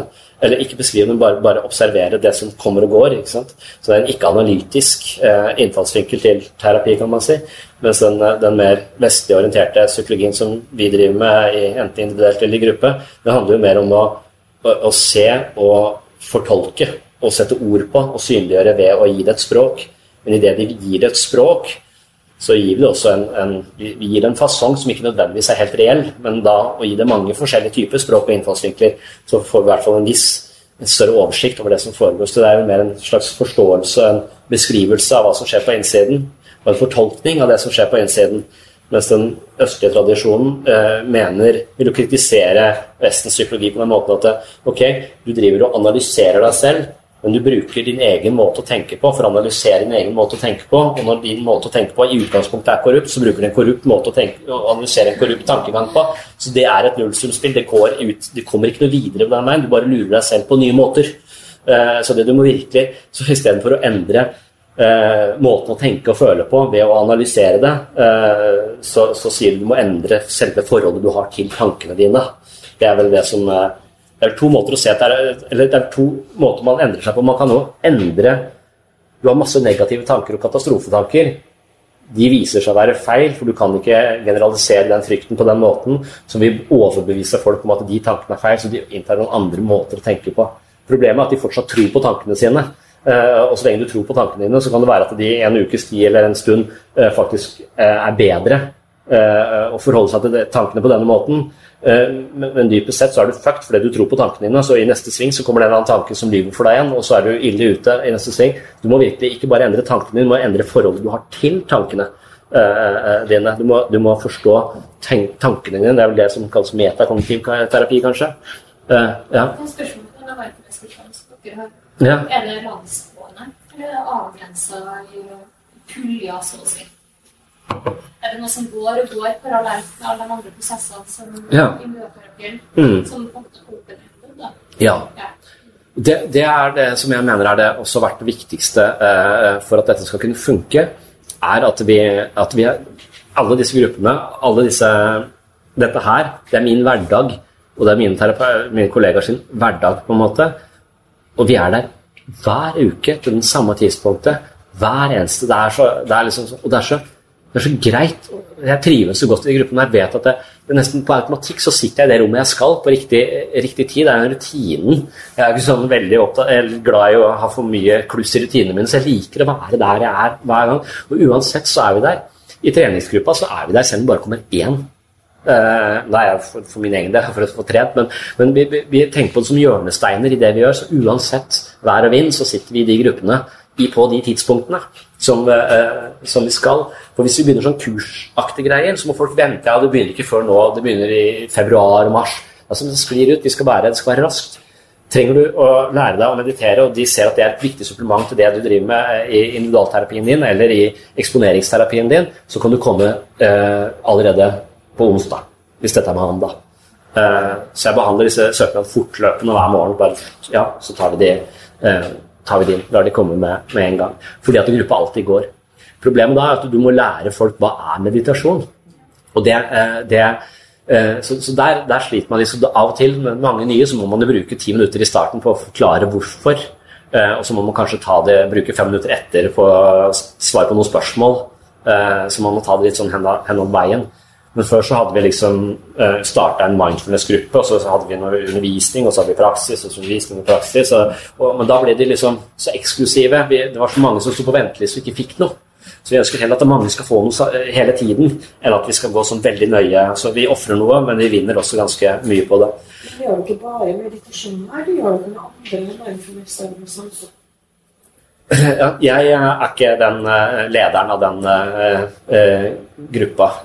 Så, jeg er på sånn selvlært når det gjelder Jeg har vært opptatt av Jeg følger Sam Harris sin app, jeg, blant annet. Er liksom, så, så de, mens de andre er jo mindfulness-terapeuter og gått typisk sånn Krøse, da André Krøse, og lærte, lærte der. Så det er jo kroppsskanning. Det er jo mange forskjellige, forskjellige typer ting som de gjør hver hver gang de skifter, skifter litt, men, men, de er forankra i Krøs og gjør veldig mye av det han uh, har anbefalt. Uh, og hans, uh, så er det noen som går til han Binder, kanskje, og så er det noen som, som har gått til Krøse.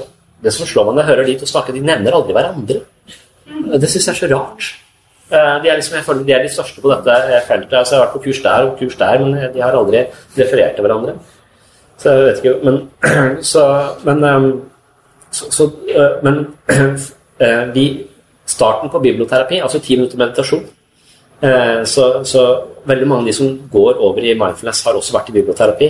og De har fått en forståelse for veldig ofte så er tema mindfulness. Hva er mindfulness? Hvordan funker det? Eh, eh, hva hjelper det imot?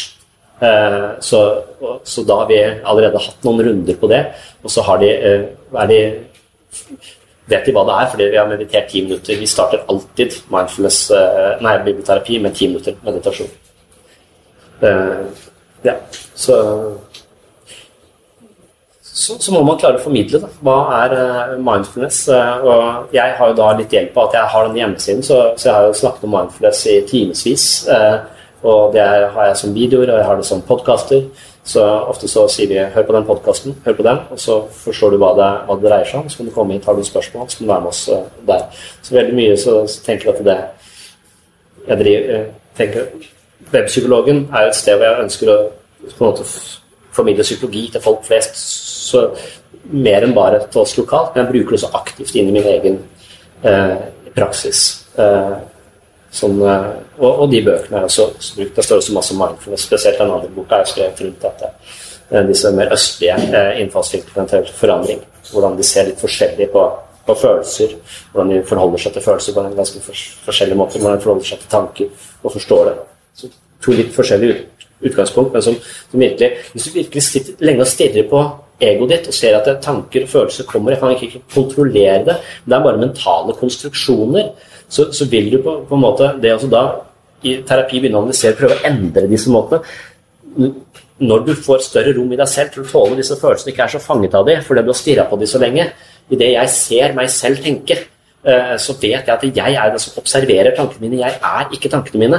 Så idet jeg observerer meg selv tenke, så har det skjedd en slags fordobling her. Hvor jeg observerer noe som skjer i bevissthetens teater. på en måte. Og når jeg ser at dette kommer, og dette går utenfor min på en måte, jeg bare observerer det, så, så, så så skjønner jeg litt at det, mitt indre liv er som en slags eh, film full av fantasier og frykter som egentlig ikke nødvendigvis har noen reell forankring i virkeligheten, som er mine måter å fortolke og se ting på. Og, og det å virkelig få det som en Det kan man forklare folk. Altså, jeg kan si til folk at det, alt du føler er feil. Det er alltid filtrert via, og folk skjønner dette. Uh, jeg snakker ofte om Eckhart Tolle, som er sånn gærning på, på, YouTube, som er litt sånn rar og, og sånn New Age-aktig, men han, han, snakker mye om ego og hvordan han øh, kom inn i meditasjon og ble denne guruveilederen ved at han sa den setningen 'Jeg orker ikke å leve med meg selv lenger'. Det er liksom han George Herbert Mead husker jeg også snakket om dette med 'jeg og meg'. Så begynte han Eckhart Tolle å si 'jeg orker ikke leve med meg', 'jeg orker ikke leve med meg', for jeg har hatt et jævlig liv. Eh, folk har behandla meg dårlig, og nå hater jeg meg selv. Jeg syns jeg er helt udugelig, jeg orker ikke leve mer. Og når han sier 'jeg orker ikke leve med meg', syns jeg det er noe magisk og rart ved den setningen. da. Og så begynner han å skjønne 'hvem er jeg, og hvem er meg'? Og hva, hva skal jeg ta livet av her? Og det å ta livet av meg i denne sammenheng, det er på en måte å ta livet av ego. Det er ego som lurer deg til å tro at du er udugelig. Det er operativsystemet ditt som fucker opp hele livet ditt. Eh, vi lider jo veldig mye pga. ting som egentlig ikke er smertefullt i seg selv, men det er fantasier vi har om ting som er ubehagelige for oss. Så, det å ta livet av egoet sitt, det er jo på en måte veldig Det er kanskje essensen av det er den typen selvmord de ønsker i psykoterapi generelt sett. De ønsker å endre eh, egoet som jeg ikke orker å leve med meg, så skjønte han etter hvert at det er meg jeg ikke orker å leve med. Men dette jeg er den bevisstheten som observerer dette meg, som jeg identifiserer meg med og er meg. Eh, så det å forstå den eh, sammenhengen mellom jeg og meg, og ønske å ta livet av meg istedenfor å ta livet av kroppen sin, for da dør både jeg og meg, og da er du ferdig. Eh, så det er en slags misforstått selvmord. Da. Og han skjønte det. Han skjønte at jeg skal ta livet av dette og ikke dette. For da kan jeg, da, da kan jeg bygge et nytt ego. Det er liksom det syns jeg er en god uh, Det tenker jeg litt på, at det folk driver med hos oss, er jo å ta livet sitt, på en måte. Og det er ganske smertefullt for det, og det er ganske skremmende. Uh, så de driver og, og, vi driver og prøver å drepe uh, eller endre operativsystem, og idet du fjerner måten å tenke på og forståelsen av deg selv så, uten å vite hva, hva er da alternativet mitt Vi tviholder jo på dette. Det er faktisk det som er, det er sånn vi er vant til å se verden. Og det å endre på det, det er som å falle fritt, ikke ha noe ståsted lenger. Det opplever jeg selv når jeg har gått i terapi mange ganger selv. at det, Når jeg kommer ut fra gruppeterapi i Oslo, så tenker jeg faen, skal jeg le, skal jeg gråte, hvem er jeg? Hva, hva? Så jeg føler meg som en slags vaskefille. Jeg har ingen holdepunkt. Jeg føler nærmest jeg faller fritt. Jeg kan gå hjem på hotellrommet og gråte, eller jeg kan gå og ta en øl med en kamerat. Jeg kan nesten velge. Jeg vet ikke hvem jeg er. Så jeg husker den der voldsomme sånn forvirringen hvor du går litt i stykker, for så å prøve å bygge deg opp igjen og ha sett noe nytt og bygger et nytt selv. da. Og Ifølge Jordan Peterson så er dette bildet Jesus, dette er, på en måte, Jesus er bildet på mennesket selv. Altså Uansett, du gjør så godt du kan og lever så godt du kan, men plutselig så skjer det kaotiske ting. Enten så går du i terapi, eller så får du kreft, eller så dør noen du er glad i. Så alt blir eh, kaos, og du aner ikke ut og inn på noe som helst, og du dør litt. Hvis du klarer å skape orden i dette kaoset igjen, så vil du gjenoppstå som et menneske, som et nytt menneske. Du vil aldri være den samme personen som før krisen. Du vil aldri være den samme personen når du fikk krisen, havna i psykoterapi, og etterpå dette da har du gjenoppstått som et nytt menneske hvis det har funka. Og det, det, er sånn han forstår eh, historien om Jesus, at det er et bilde på selva. Altså vi går til grunne uansett hvor, godt vi, eh, hvor hardt vi prøver, og hvor flinke og gode vi er. Og så kan vi gjenoppstå etter tre dager, åpenbart. Det, det, I psykoterapi tar det litt, litt lenger. Men Jesus er et slags bilde, en fortelling om dette selvet som dør og gjenoppstår. Det er det som skjer litt i i terapi også, men for å våge å ta livet av disse tingene, så må vi kanskje se at det er bare mental konstruksjon. Jeg tror den innsikten vi kan få i, i mindfulness. Vi kan liksom stirre lenge på det og skjønne at dette er ikke nødvendigvis meg. Jeg identifiserer meg med disse negative tankene og følelsene, men det er ikke sikkert det er meg. Når jeg, når jeg sover for eksempel, og drømmer, så er det mye mer flytende. Og når jeg kommer i dyp drømmende søvn, så forsvinner det. Da er jeg bare bevissthet, og jeg har ikke noe å være bevisst om lenger. Jeg husker ikke en dritt av det. Her får du hvile her. Da er du fanget av dette 'Å nei, jeg er ikke god nok', og 'det funker ikke', og 'de liker meg ikke', og bla, bla, bla. bla. All det der negative faenskapet som styrer livet vårt. på en måte. Det å virkelig få den erkjennelsen der sånn, da har vi kommet uh, langt. Og Den erkjennelsen stimuleres i mindfulness. Man kan fortelle folk om, om uh, Eckhart Tolle og hvordan han forsto dette. Og folk kan forstå det intellektuelt, men det hjelper ikke. Det er akkurat som å, som å si til noen altså, Nå skal jeg forklare deg hvordan du løfter 250 kg i benk. Men selv om de har fått forklaringen, så kan de ikke løfte 250 kg vekk. Eller sånn som Sam Harris bruker et annet eksempel. Han sier at eh, du kan godt forklare folk hvordan de skal gå på line. Du kan få en veldig god beskrivelse. Det betyr ikke at de kan gå på line. Eh, og Sånn er det vel i behandling også. Folk skjønner dette. Tankene mine lurer meg, følelsene mine lurer meg, ego lurer meg. Men for å virkelig forstå det, så må jeg trene opp den innsikten, og det gjør man veldig effektivt i mindfulness, men også i psykoterapi. Psykoterapi beskriver man sitt indre liv. Det jeg beskriver meg, være meg, så er jeg lenger på en måte i en posisjon som er utenfor uh, meg selv. Så sånn oppsummering med sånn, med sånn favorittdefinisjon på hva er terapi det er sånn, Jeg tenker at subjektet på ett nivå blir gjenstand eller blir subjektet på ett nivå blir et slags objekt for et nytt subjekt på et høyere nivå. Eh, så, så terapi handler om å, å, være fanget av seg selv, gå ut av seg selv for å beskrive seg selv, se mønstre og etablere seg selv på et nytt, et nytt nivå med litt romsligere virkelighetstunnel, et litt større perspektiv på hvem jeg er, og hvordan jeg håndterer livet. Og så er du der. Da fungerer det kanskje litt bedre, men hvis ikke det er godt nok, så må du en gang til. Og sånn går du helt opp, helt til du kommer til nirvana som er absolutt subjekt, eller Buddhas natur, eller et eller annet. Og da, da, er du ikke redd for å dø lenger.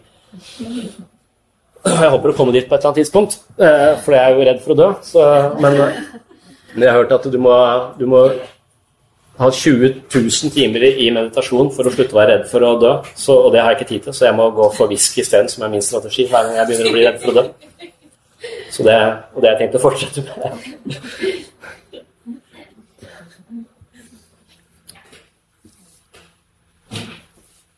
Hvordan ligger vi an på tid da? Er det, hva er klokka? Mm. Ja, vi har litt uh, ja.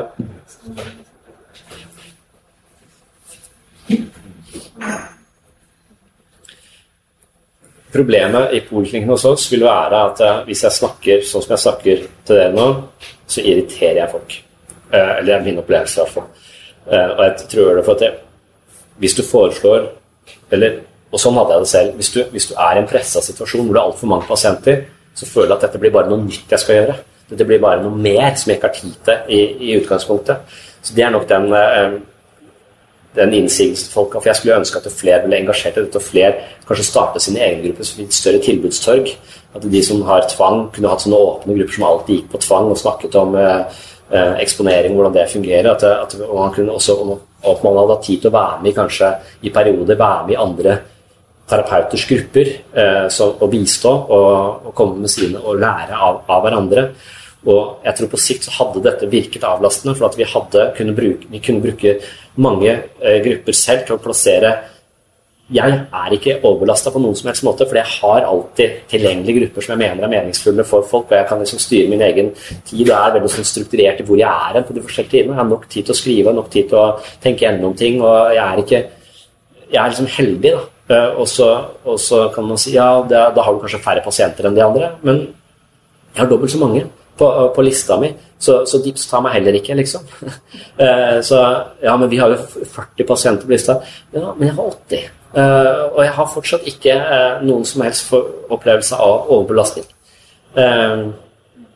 men det er ikke helt reelt. for de 80 som er ansvarlige som meg, så har jeg flere terapeuter rundt meg som, som, også har sine, bare sine, men mange av de er er vi jo, deler vi jo, så jeg er jo ikke aleine om de.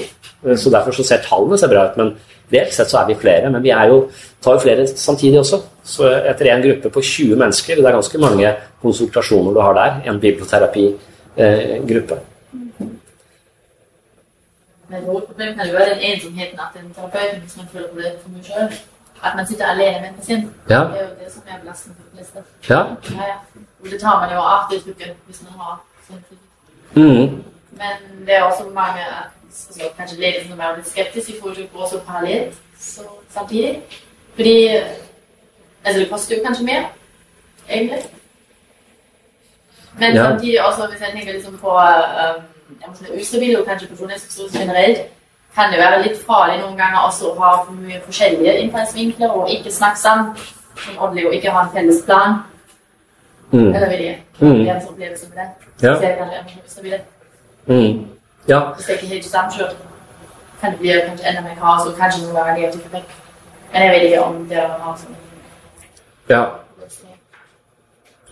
Nei. eh, Jeg stoler eh, ofte på gruppene i, den, eh, i, i forhold til det, og at jeg tror at som gruppe så er jeg litt flink til å skape gode miljøer. Eh, Så selv om jeg ikke kjenner personene, og de kan være ganske emosjonelt ustabile, så tror jeg at vi klarer liksom De, de gruppene er ganske rause og romslige. Med et høyt mentaliseringsnivå så vil de ikke eh, så vil ikke de, de, den typen hvor de klarer å utspille seg. Vi har en såpass distanse til det. Det er ikke så personlig heller. Biblioterapi handler jo om liksom hva sier David Isteno? Hva sier denne forskningen om å være del av en flokk? Hvordan har jeg, det, har jeg noen gode flokker? Hva er et meningsfullt livsspill? Jeg, hva, er, hva sier Viktor Frankl om å finne mening i livet? Hvorfor er vi hele tiden på søk etter mening, og, og mangler jeg det? Så, så, så den typen ting er litt sånn på en, på en armlengdes avstand. Eh, Men det er veldig, veldig viktig for meg at de som går i supplerende tiltak, har en ansvarlig behandler som har tenkt gjennom dette. Eh, For jeg vil ikke ha folk gående i disse åpne gruppene hvor jeg ikke kan plukke opp ting som, som kan være farlig for dem. Det er derfor kravet er bare at du er innrullert og har hatt, fått rett til helsehjelp på DPS-et. Har du rett til helsehjelp, så skal du kunne være med i alle disse gruppene vi, eh, vi tilbyr. Men du skal være forankra i en behandler. Det kan være meg, da er det jeg som har ansvar. Eller det kan være noen andre der oppe. Da er det de som har ansvar for den helhetlige behandlingsplanen og ideen om hvorfor du er her. Jeg legger meg ikke opp i hvorfor du er i, i, i biblioterapi, jeg. Eh, Jeg bare synes jeg ønsker deg velkommen og er interessert i dine innspill hvis du har noe. Eh, Og hvis du ønsker å Så Eh, Men, eh, men jo mer eh, disse terapeutene har faktisk vært innom og blitt med i noen biblioterapigrupper, større sjanse er det for at de faktisk henviser noen, eller at de plasserer også sine pasienter der. Og i den grad folk er opptatt av mindfulness og skjønner hva mindfulness er, hvordan det fungerer, så er det også større sjanse for at de anbefaler det til sine. Så den tanken er helt fjern at man tenker i noen gruppeprosesser er det ikke hensiktsmessig å ha individuell terapi samtidig, fordi det hindrer kanskje gruppeprosesser. Fordi da tar man ikke opp ting som Ja, jo, det, det er det er en tanke fra IGA, ikke sant? Det, det er en vanlig tanke. Eh, og den tanken har jeg til en viss grad når jeg er uh, ansvarlig behandler i gruppeterapi, hvor jeg har regien på terapien. Jeg kaller ikke dette andre terapi, jeg kaller det supplerende tiltak. Når jeg har regi på terapien for det mennesket, så mener jeg at det mennesket ikke bør gå i individualterapi. Det mener jeg ikke fordi at det ikke nødvendigvis kan være bra, for mange mener, har, kjører parallelt siden det er individualterapi òg, men jeg bare syns det er luksus. Men det er ikke en politisk behandler som tar ansvar for hele opplegget. Nei, da tar jeg ansvar. Når jeg har det i gruppepsykoterapi eller miljøterapi, altså de pasientene jeg har ansvar for, har jeg ansvar for. Da er det jeg som bestemmer hvilke andre grupper de er i, sammen med pasienten. eh, selvfølgelig. Da er det mitt ansvar. Da har jeg behandlingsansvaret. Eh, Men, men av og til så er det folk i disse gruppene hvor behandlingsansvaret ligger et annet sted, og vi bare supplerer inn med lærer de å meditere, lærer de å snakke om eh, vårt indre liv på nye måter. Så, så, så der, der, ligger behandlingsansvaret et annet men behandlingsansvaret må ligge et sted.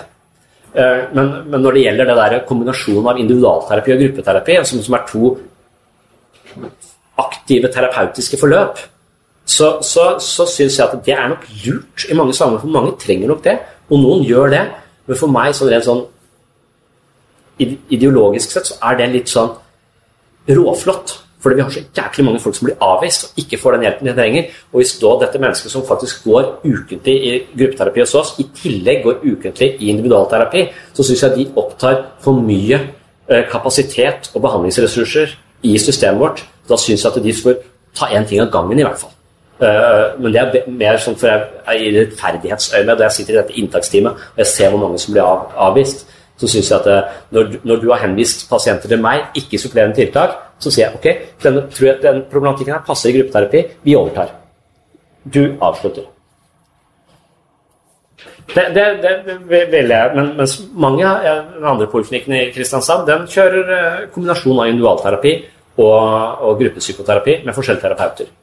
Eh, Så de, de, så, og, og det er sikkert en, en god eh, god tanke bak det, og sikkert veldig fornuftig i mange, uh, mange sammenhenger. Du kan lage et veldig godt opplegg rundt det. Jeg bare mener det er råflott. Jeg er veldig sånn opptatt av ressurser, at vi er nødt til å få mest mulig folk skal få mest mulig. Det mener jeg overalt, egentlig. Ja, så ja.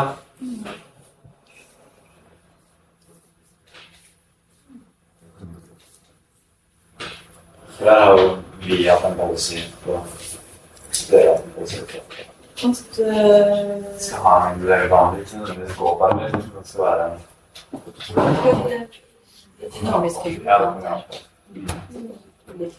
Ja, ja. For, for I dynamiske gruppen så er, har man ofte behandlingsansvaret selv ikke sant, som terapeuter der, men, men eh, jeg ser at mange av de angstgruppene, også D-gruppene, de som er spesialisert i det, sånne angstkurs over tre dager og sånn, da vil de alltid være forankra i en behandler. Nei, Vi må vel dessverre avslutte nå, mm, som planlagt. Eh, tusen, tusen takk. eh, Ja. Det var, eh. Skal du ikke være her resten av dagen? Nei, jeg skal ikke det. Skal bli med på lunsj. Ja. Jeg har jo med noen bøker, så hvis noen er interessert, så selger jeg de her. eh, Det, det er en del av det å være bokselger. Eh, og så her tok jeg med de arka som vi har i dette tilbudstorget, hvor det står 'Hva er medisinsk yoga?' og så står det 'trening'. Hvorfor skal du trene? Så, så den beskrivelsen de har gitt, da, som, som henger, så, så, så folk kan, som kommer til politikken, kan da plukke ut og si til sin terapeut hva må, kan jeg bli med på dette. Så kan man det. Mm. Så det kan dere jo se på eventuelt. Så, ja. Eh, Du blir med til Liège? Ja, jeg tror kanskje det. Jeg husker ikke helt. Så bare sjekke når flyet, flyet går. Hæ? Ja. ja, så bra. Ja, da gjør jeg det. Mm. Men da tenker jeg at eh, på sånn, sånn formell eh, En formell tanke stemmer du fullfører, Ja. så tenker jeg at eh, vi har en gave. Har vi det? Nei. Ja. det. Ja. Altså, veldig inspirerende og takk intellektuelt stimulerende og praksisnært samtidig. Ja. Eh, Vi har jo snakket om i hvert fall en del av oss som mange gruppeterapeuter her, også vi som har jobba innenfor rehabiliteringsfeltet og sånn, Mm. kjenner igjen dette her. Og, Ja. og det er veldig ja, stimulerende for tanken at organisasjonen kan lages, og så kan man Mm. møte pasientene på en litt sånn allmenn eh, en allmenn tilnærming, Mm. som jeg syns følger meg godt på. ja.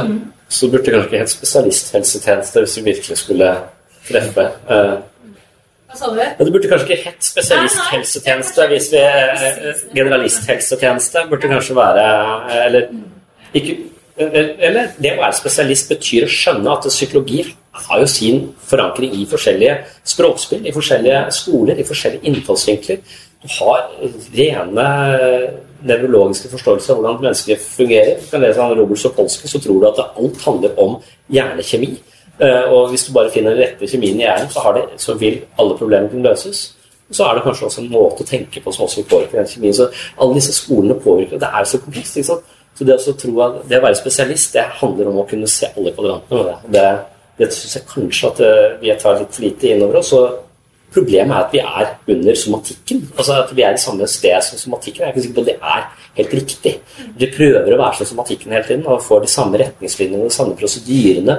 Så prøver du å tvinge menneskets psykologi inn i type rammer som overhodet ikke treffer. Eh, spesielt, ja. Så, Skal vi ta en applaus? Ja. for det?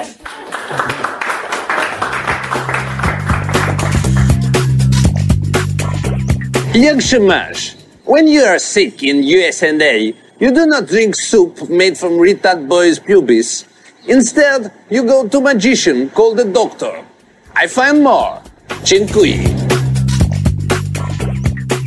Filosofien bak gruppeterapi er omfattende, men grunntanken er at mange av våre konflikter, problemer og utfordringer oppstår i møte med andre mennesker. Det er i relasjon til andre mennesker, venner, familie og kollegaer, at følelser står på spill og vi blir satt på mellommenneskelige styrkeprøver. Vår evne til å håndtere det sosiale samspillet henger tett sammen med vår egen selvfølelse og indre balanse. I gruppen spiller våre evner og mangler seg ut, og vi får en glimrende anledning til å utforske nye sider ved oss selv. Gruppeterapi er en krevende behandlingsform, men den personlige investeringen man gjør i et slikt prosjekt vil som regel gi resultater både på kort og lang sikt. I siste del av dagens episode vil jeg altså gå inn på følgende områder i forhold til psykoterapi og terapeutisk behandling i grupper.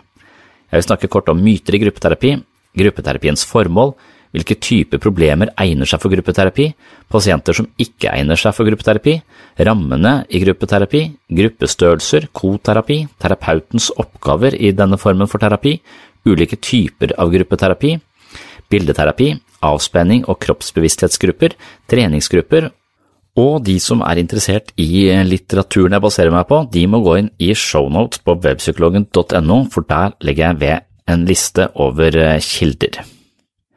Da begynner vi med myter om gruppeterapi. Som gruppeterapeut vet jeg at rekruttering til gruppeterapi kan være en vanskelig prosess. Poliklinikken kan ha lange ventelister, mens de terapeutiske gruppene mangler deltakere. Hvorfor? Det handler ikke om kvaliteten på terapien eller kurativt utbytte. Mange studier bekrefter at gruppeterapi fungerer like godt som individualterapi i forhold til mange diagnosekategorier og problemstillinger. Min erfaring er at gode grupper er like terapeutisk potente som individualterapi. Når det er flere mennesker om et felles terapeutisk prosjekt, og samhandlingen er åpen og uhindret, fungerer grupper som effektive døråpnere til ny innsikt i kombinasjon med verdifull mellommenneskelig erfaring i gruppa. Likevel er ikke gruppeterapi den mest populære behandlingsformen, og forklaringen på dette er ganske sammensatt. Sannsynligvis er det menneskers frykt for deltakelse i grupper og samhandling med andre som i hovedsak begrenser gruppeterapiens popularitet. I tillegg regjerer det en del myter og skrekkhistorier om gruppeterapi som holder folk unna. Disse mytene er som regel oppspinn som finner sin grobunn i stereotypiske forestillinger om gruppeterapi hentet fra film og media. Her er de viktigste mytene om gruppeterapi. Det første punktet. Man blir tvunget til å blottstille seg for andre medlemmer og innrømme dype hemmeligheter og presentere alle sine angster. Det er ikke tilfellet. Terapi handler sjelden om å skrifte eller avsløre sine tidligere feiltrinn og vanskelige følelser. Vel så ofte handler terapi om samhandling og utveksling av språk om en her og nå-situasjon. Vi bytter synspunkter og fornemmelser via språket og på den måten utvides vårt psykologiske landskap og vi vinner større innsikt og mer fleksible tolkningsmuligheter. Dersom man deler svært private hemmeligheter eller svært privat materiale med gruppen, skal dette skje på et tidspunkt hvor gruppen er så trygg, ivaretagende og moden at bidraget vil håndteres på en konstruktiv måte. Man trenger aldri å dele intime detaljer dersom det ikke føles riktig for egen prosess, og ofte er det ikke nødvendig å dele slikt for å oppnå helbredelse. Hvis man har problemer med å justere dette på egen hånd, vil man få hjelp av terapeuten. Noen sitter med en forestilling om at tilstedeværelse i eh, samme rom med andre mennesker som har problemer, vil gjøre at en selv blir dårligere. Som regel er det motsatt. Å høre andres erfaringer kan gi en erkjennelse av at man ikke er alene med sine problemer. Ofte kan man også ha noe å tilføre andre, og erfaringen med å være betydningsfull og viktig for gruppens eh, prosess og for andre mennesker forbindes med en god følelse for veldig mange. I tillegg er det slik at eh, de fleste mennesker befinner seg i samme rom med andre som har det vanskelig flere ganger i løpet av en uke eller en dag. Forskjellen er at det ikke blir snakket om, og denne forskjellen er avgjørende. Når man ikke snakker om problemene, blir de liggende som en stille fornemmelse hvor menneskene i rommet ofte vil føle et udefinert ubehag og reagere på stemningene på hver sin måte. Her kan man reagere med avvisning, irritasjon, munterhet for å kompensere eller andre menneskelige forsvarstiltak som sørger for at vi kommer oss gjennom situasjonen. Det er slike samhandlingsmønstre som er ubehagelige og skaper angst og sosial usikkerhet. I gruppeterapi kvitter vi oss med disse ubehagelige undertonene ved å involvere oss i en eh, mest mulig åpen dialog. Dermed blir andres problemer ikke noe man rammes av, men noe man kan avhjelpe og utvikle samtidig som man eh, utvikler seg selv. Det neste punktet handler om at eh, noen frykter at enkelte i gruppen kan komme til å miste kontrollen og reagere aggressivt eller utagerende. Det skjer uhyre sjeldent. Det er gruppeterapeutens oppgave å roe ned gemyttene dersom den emosjonelle temperaturen blir for høy. I motsatt fall er det terapeutens oppgave å fremskynde prosessen dersom gruppen beveger seg for langsomt. Uansett er ukontrollert aggresjon et element som nesten aldri opptrer i vanlige terapigrupper. Som regel er det når vi ikke får uttrykt oss i språket, føler oss misforstått og urettferdig behandla, at mennesker reagerer aggressivt. Poenget i gruppeterapi er å uttrykke seg i språket og finne formuleringer som gjør at man blir eh, forstått, og dermed vil den eh, åpne dialogen som tilstrebes i gruppeterapi være en faktor som hindrer utagering og rett og slett eliminerer behovet for å reagere voldsomt. Det siste punktet, og den siste frykten, handler om å bli ekskludert, fordømt eller miste sin selvstendighet og komme til å følge gruppens bevegelser uten å involvere sin egen viljestyrke. Sistnevnte er altså en frykt for å miste seg selv i gruppa. Dette er en veldig vanlig angst hos de fleste som skal inn i nye sosiale situasjoner. Men igjen er disse bekymringene noe som sjelden inntreffer eller får utspille seg i gruppeterapi. Det snakkes om og tematiseres, noe som viser seg å avverge uheldige gruppedynamikker. Langt de fleste grupper er sammensatt av mennesker som på noen områder vil ligne hverandre og dermed ha grunnlag for å identifisere seg med hverandre og etablere et slags felles utgangspunkt. Det var altså noen av eh, mytene om gruppeterapi og en del skrekkscenarioer som folk forestiller seg før de skal, eventuelt skal inn i gruppeterapi. Men eh, som sagt så er eh, gruppeterapi altså en såpass åpen og undersøkende arena at alle de vanlige og destruktive dynamikkene som ofte utspiller seg i sosiale grupper eller i skoleklasser osv., de er eh, noe som eh, gruppeterapi klarer å avverge gjennom den åpne, undersøkende dialogen. Så veldig mye av det folk frykter eh, knytta til grupper, vil altså ikke opptre i gruppeterapi. I de neste minuttene skal jeg snakke om formålet med gruppeterapi. Gruppeterapi er et sted hvor man kan prøve ut nye roller og få tilbakemelding på egen atferd fra øvrige gruppemedlemmer. På denne måten kan man oppnå innsikt i hvordan egen oppførsel kan eh, forstyrre eller eventuelt ødelegge ens forhold til andre, og hva som skal til for at det ikke skal skje. I noen tilfeller vil gruppen også indirekte hjelpe til med å lege gamle sår. Gruppeterapi er eh, bygget på respekt for hverandre og en trygg atmosfære som gir mulighet til åpen dialog og introspeksjon, altså selvutforskning. McKenzie gir en grei oppsummering av virksomme og terapeutiske faktorer i gruppeterapi. Først nevnes eh, de støttende faktorene. Her dreier det seg om eh, å oppleve aksept og forståelse hos gruppen. En gruppe som ledes av eh, aktive, respektfulle, hjelpsomme og omsorgsfulle terapeuter, kan etablere en konstruktiv, aksepterende sfære i gruppa. I vellykkede tilfeller kan det utvikle seg et forum hvor altruisme, altså uselviskhet, forekommer.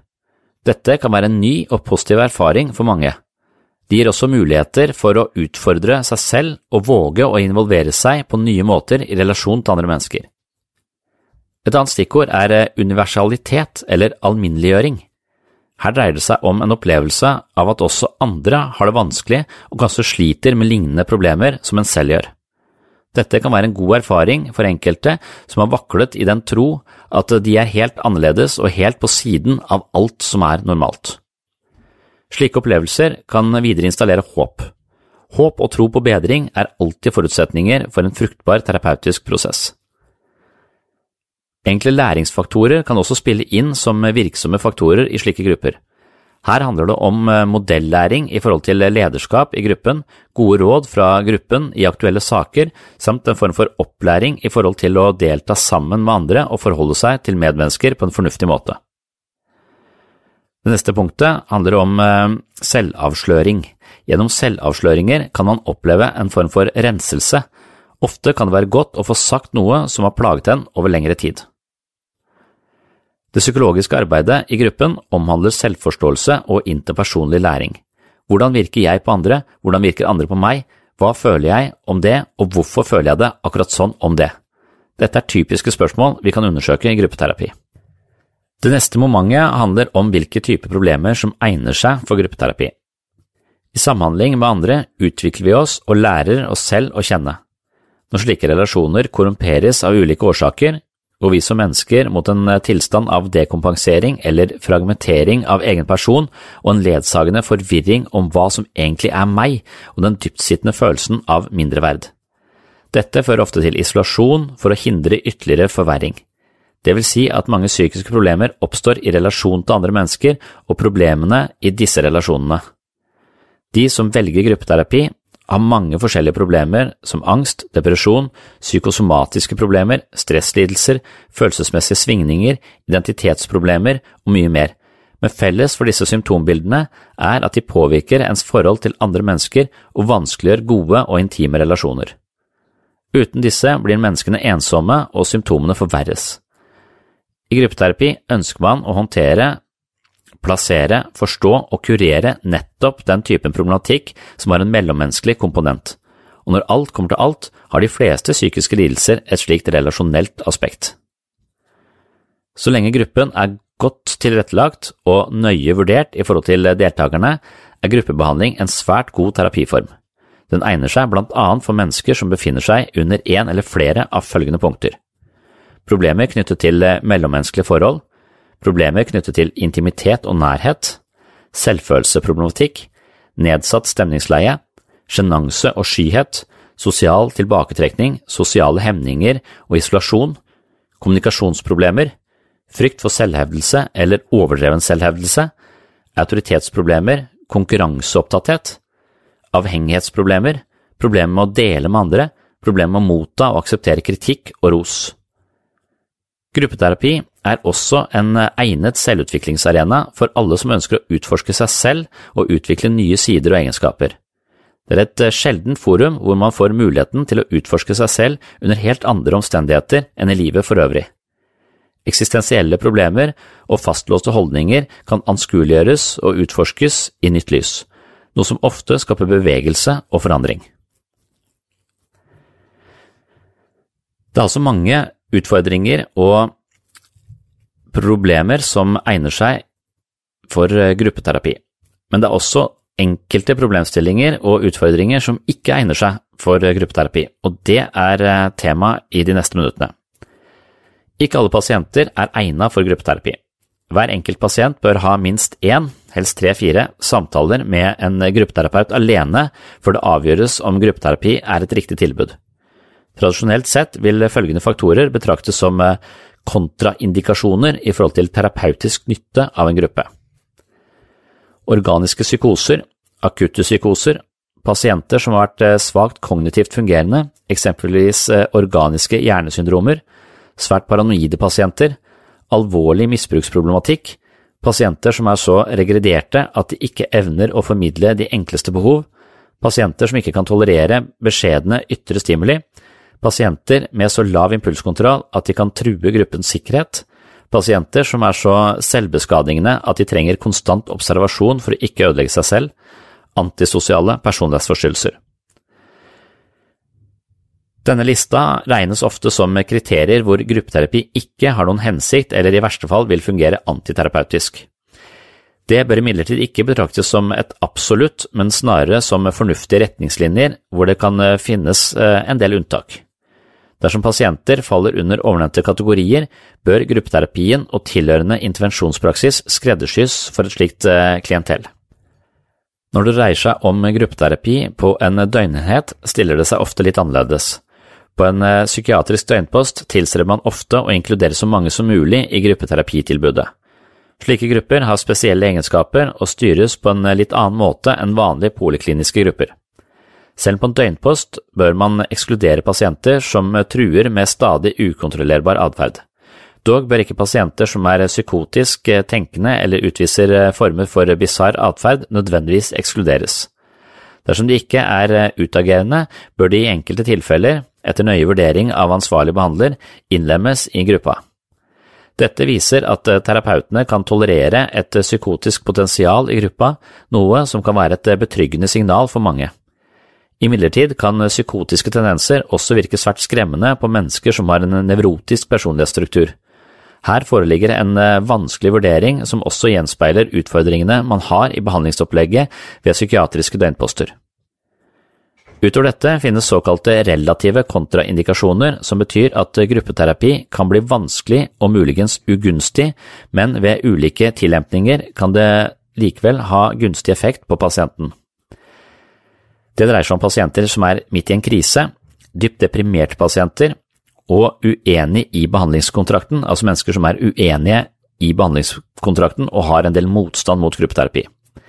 Dette er såkalte relative kontraindikasjoner, noe som betyr at de ikke absolutt utelukker gruppeterapi, men kun at man bør gjøre seg nøye overveielser dersom en pasient under de sistnevnte kategoriene vurderes for gruppeterapi. Et særdeles viktig moment når det kommer til gruppeterapi, er rammene i gruppeterapi. Det snakket jeg også en del om i, både i del 1 og i begynnelsen her av del 2 om gruppeterapi. Men nå skal jeg gå litt mer formelt gjennom disse rammene som vi er veldig opptatt av i gruppeterapi. For best utnyttelse av gruppeterapi er det av høy prioritet at rammene fastholdes. Det betyr at man strekker seg langt for å tilpasse sin hverdag slik at man kan delta i gruppen, og at man respekterer tidspunktene og kommer presis til timene. I gruppeterapi er man del av en felles prosess som hindres dersom noen uteblir. Å respektere tidspunktene handler om å respektere de andre og terapiens formål. En gruppe som er slurvete med oppmøtet og rammebetingelsene rundt behandlingen, sliter ofte med dårlig motivasjon og en stigende mistillit til gruppens kurative kraft, hvorpå hele terapiprosjektet ofte mislykkes totalt. Det er gruppeterapeutens oppgave å holde på rammene, men det er også deltakernes ansvar. I klassiske polikliniske grupper har man som regel følgende retningslinjer. Punkt 1 er taushetsplikt.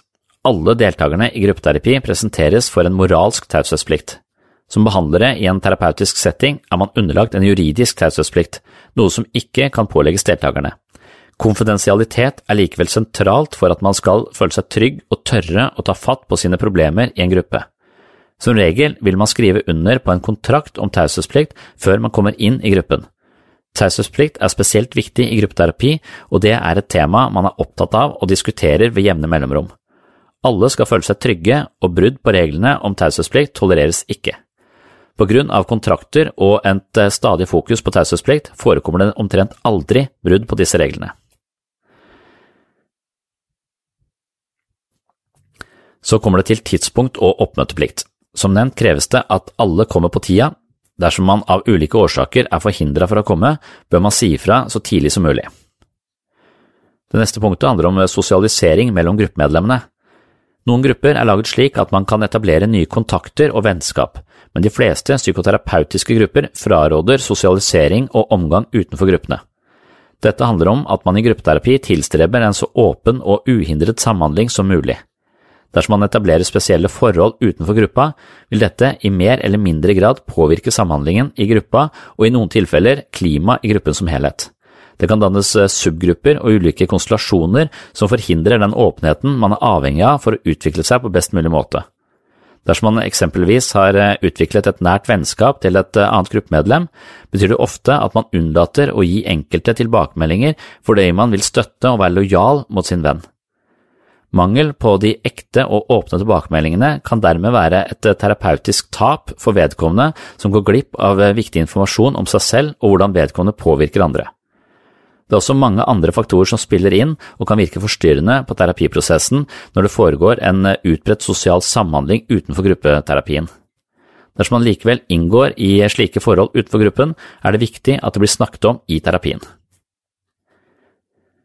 Det siste punktet i denne sammenhengen handler om rusmidler. Dersom man er påvirket av rusmidler, bør man utebli fra gruppa. I ruspåvirket tilstand forholder man seg ofte annerledes til mennesker, noe som forstyrrer prosessen i gruppa. Utbyttet av terapien blir sjelden verdifullt i påvirket tilstand. Dersom man møter ruset til gruppeterapi, blir man som regel bedt om å gå hjem og komme tilbake neste gang. Og så er spørsmålet hvor stor skal en gruppe være? En gruppe på mindre enn fem deltakere blir eh, tyngre å drive for terapeutene.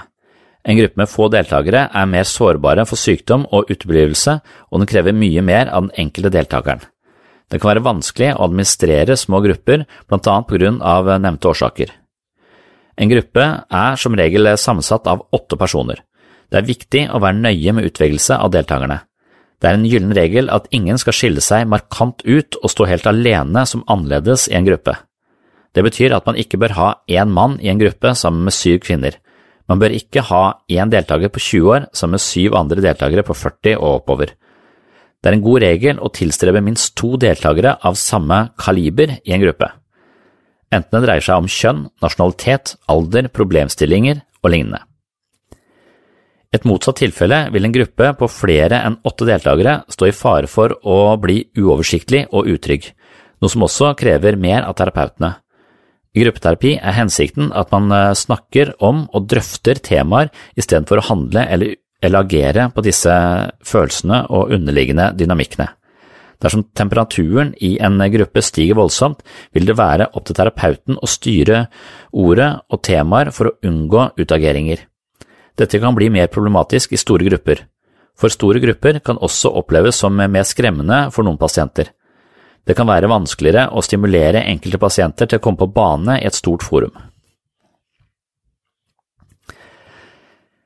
Her jeg jobber, på DPS Solvang, så driver jeg også gruppeterapi hver eneste dag, og vi er som regel alltid to terapeuter i én gruppe, og det kaller vi for koterapi.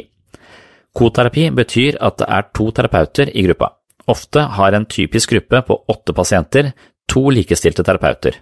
Det er både fordeler og ulemper med koterapi, men dersom vi er oppmerksomme på ulempene, vil det sjelden volde oss så mye skade.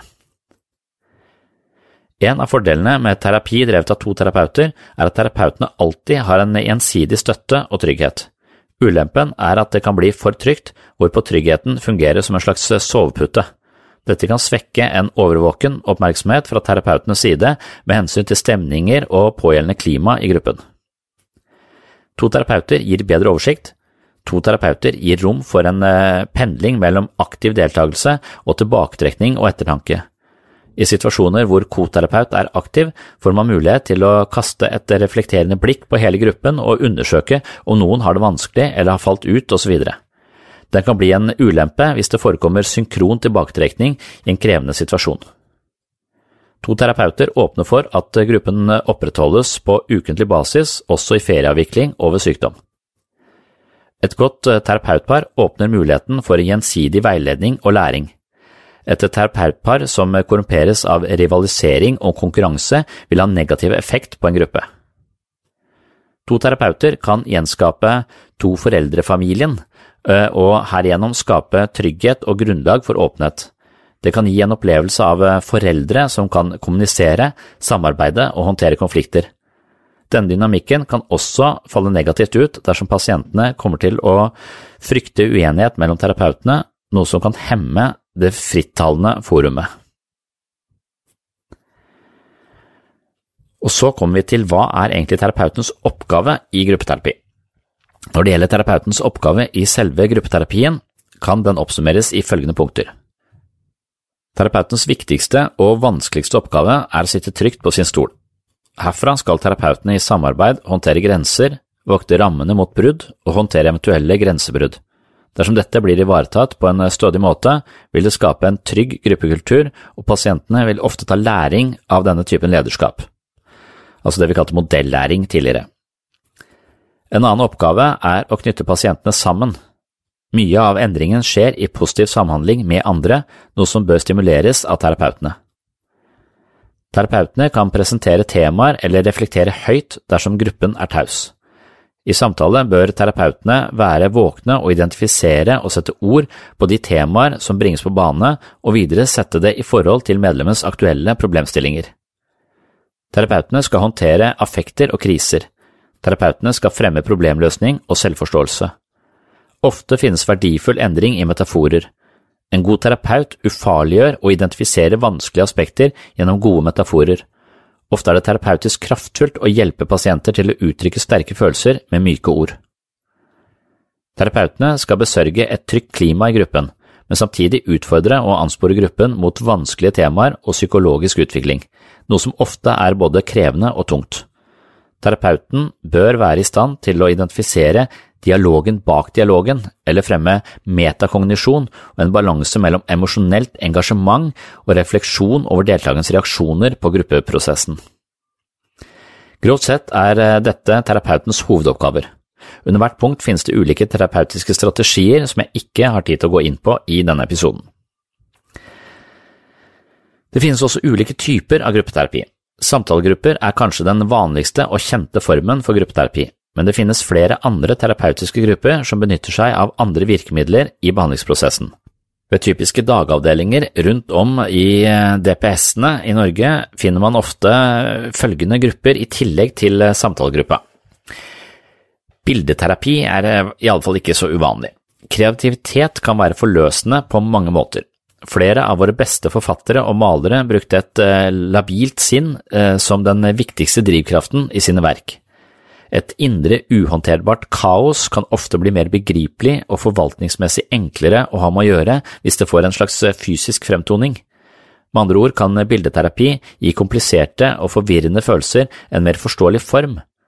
Ofte vil pasientene bære følelser og opplevelser de ikke våger å konfrontere i seg selv.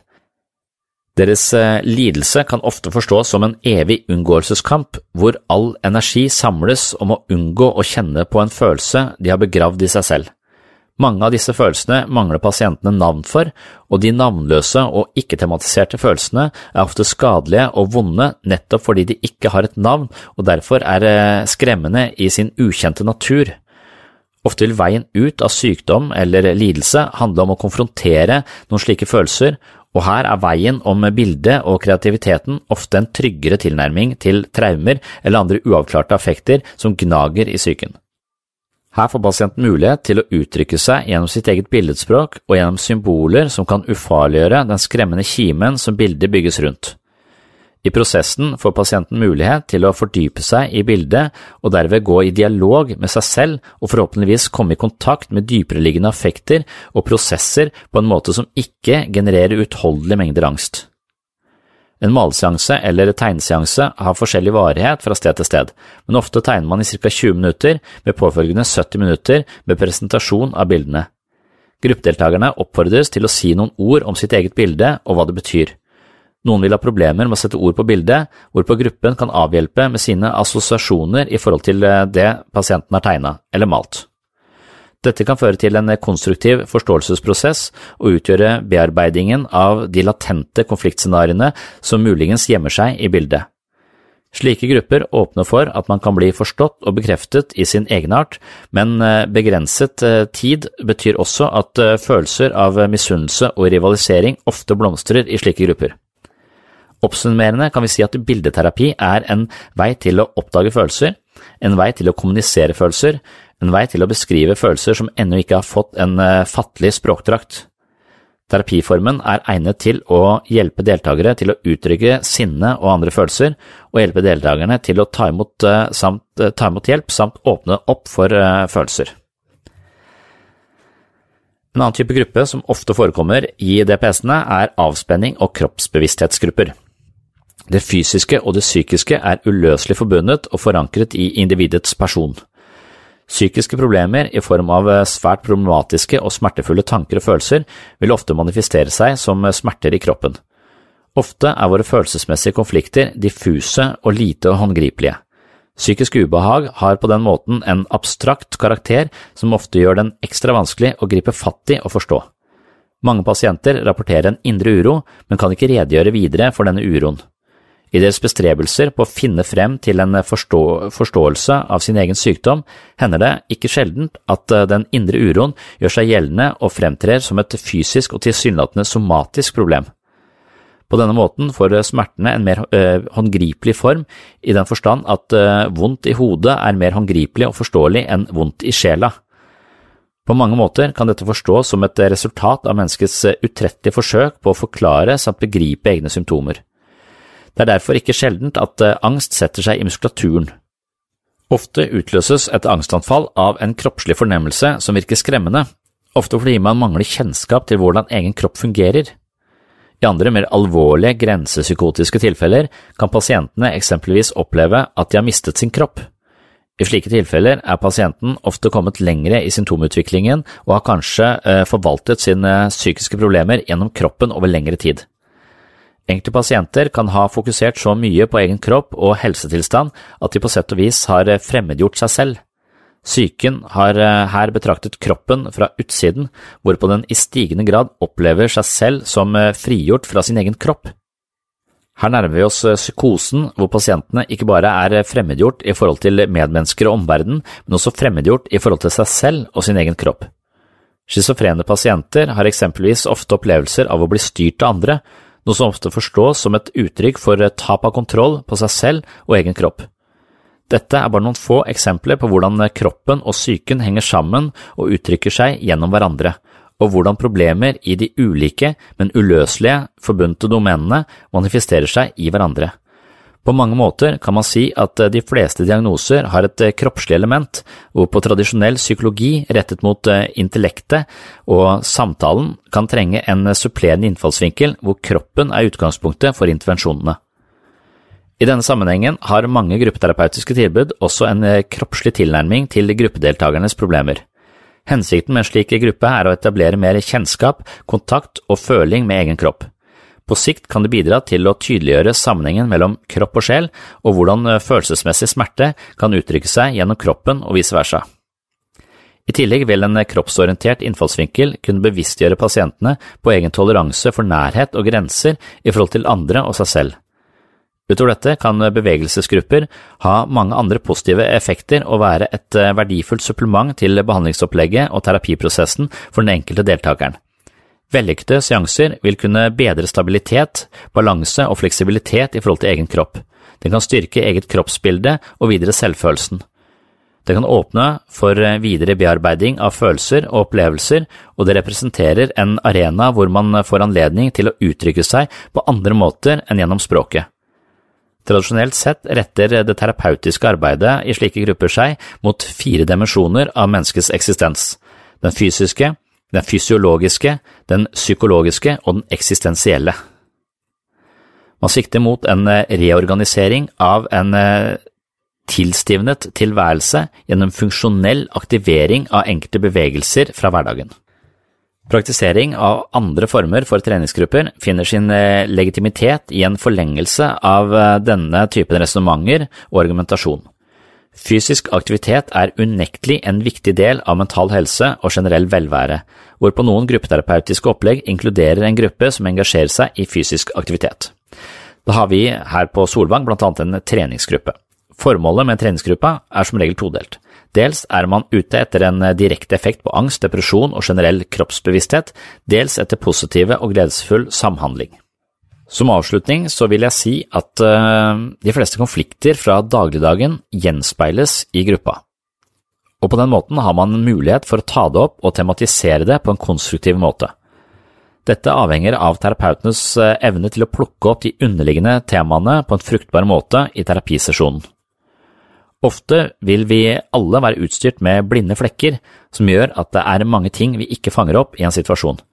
Disse blinde flekkene kan senere gjøres synlige gjennom den åpne dialogen og den undersøkende holdningen som danner utgangspunktet for gruppeterapi.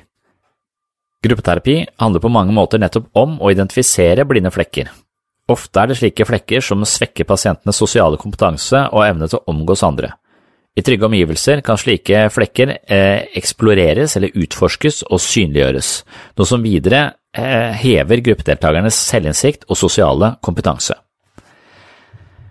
Alt jeg har sagt nå i siste segment i denne episoden er fortrinnsvis henta fra Sigmund Karterud sin bok som heter Gruppeanalyse og psykodynamisk gruppepsykoterapi, utgitt på Pax forlag. Min eh, utgave er fra 1999. Og pris eh, ser ut til Nå har det kommet en ny utgave, og den tror jeg er litt dyrere enn den jeg har, men jeg ga ca. 400 kroner for den boka, og det var vel verdt det, i alle fall hvis du skal drive med gruppeterapi. Det var det jeg hadde å komme med i forhold til gruppeterapi, altså min hverdag. Eh, omtrent hver eneste dag sitter jeg i gruppeterapi. Jeg er veldig interessert i det. Jeg er veldig glad for at jeg får den muligheten til å sitte sammen med mennesker og undersøke hvordan vi fungerer sammen hver eneste dag. Det tror jeg har vært ganske berikende for min egen sosiale kompetanse og selvinnsikt. Selv om jeg er litt treig til å endre meg, og det tar litt tid for meg, så har jeg nå sittet der i 13 år, og jeg begynner å se små justeringer som, som er til både mitt og andres beste. Og de bøkene jeg har skrevet, de vil også gjenspeile min entusiasme for gruppeterapi. Flere av historiene både i Psykologens journal og jeg, meg selv og selvbildet og selvfølelsens psykologi er henta fra seanser i gruppeterapi og opplevelser på ulike psykiatriske institusjoner. Så hvis du er mer interessert, ikke nødvendigvis bare i gruppeterapi, men i menneskets indre liv og måten vi omgås på, så anbefaler jeg selvfølgelig at du går inn på webpsykologen.no og anskaffer deg ett eller to eller tre eksemplarer av de bøkene jeg har skrevet om dette temaet. De finner du også på webpsykolog.no, og der får du de til best pris med gratis frakt og rask levering. Ok, da ble det punktum for episodene om gruppeterapi. Ja, jeg vil bare også nevne at uh, disse episodene er forankret i litteraturen på området, og hvis du er interessert i hvilken litteratur jeg baserer meg på, så har jeg en anbefalt litteraturliste om gruppeterapi i shownotes til denne episoden. Så for de som er spesielt interesserte, så må du gå inn på Webpsykologen og finne frem denne episoden, og så gå nederst eh, i episoden der, og så finner du eh, en litteraturliste over anbefalt litteratur om gruppeterapi. På gjenhør!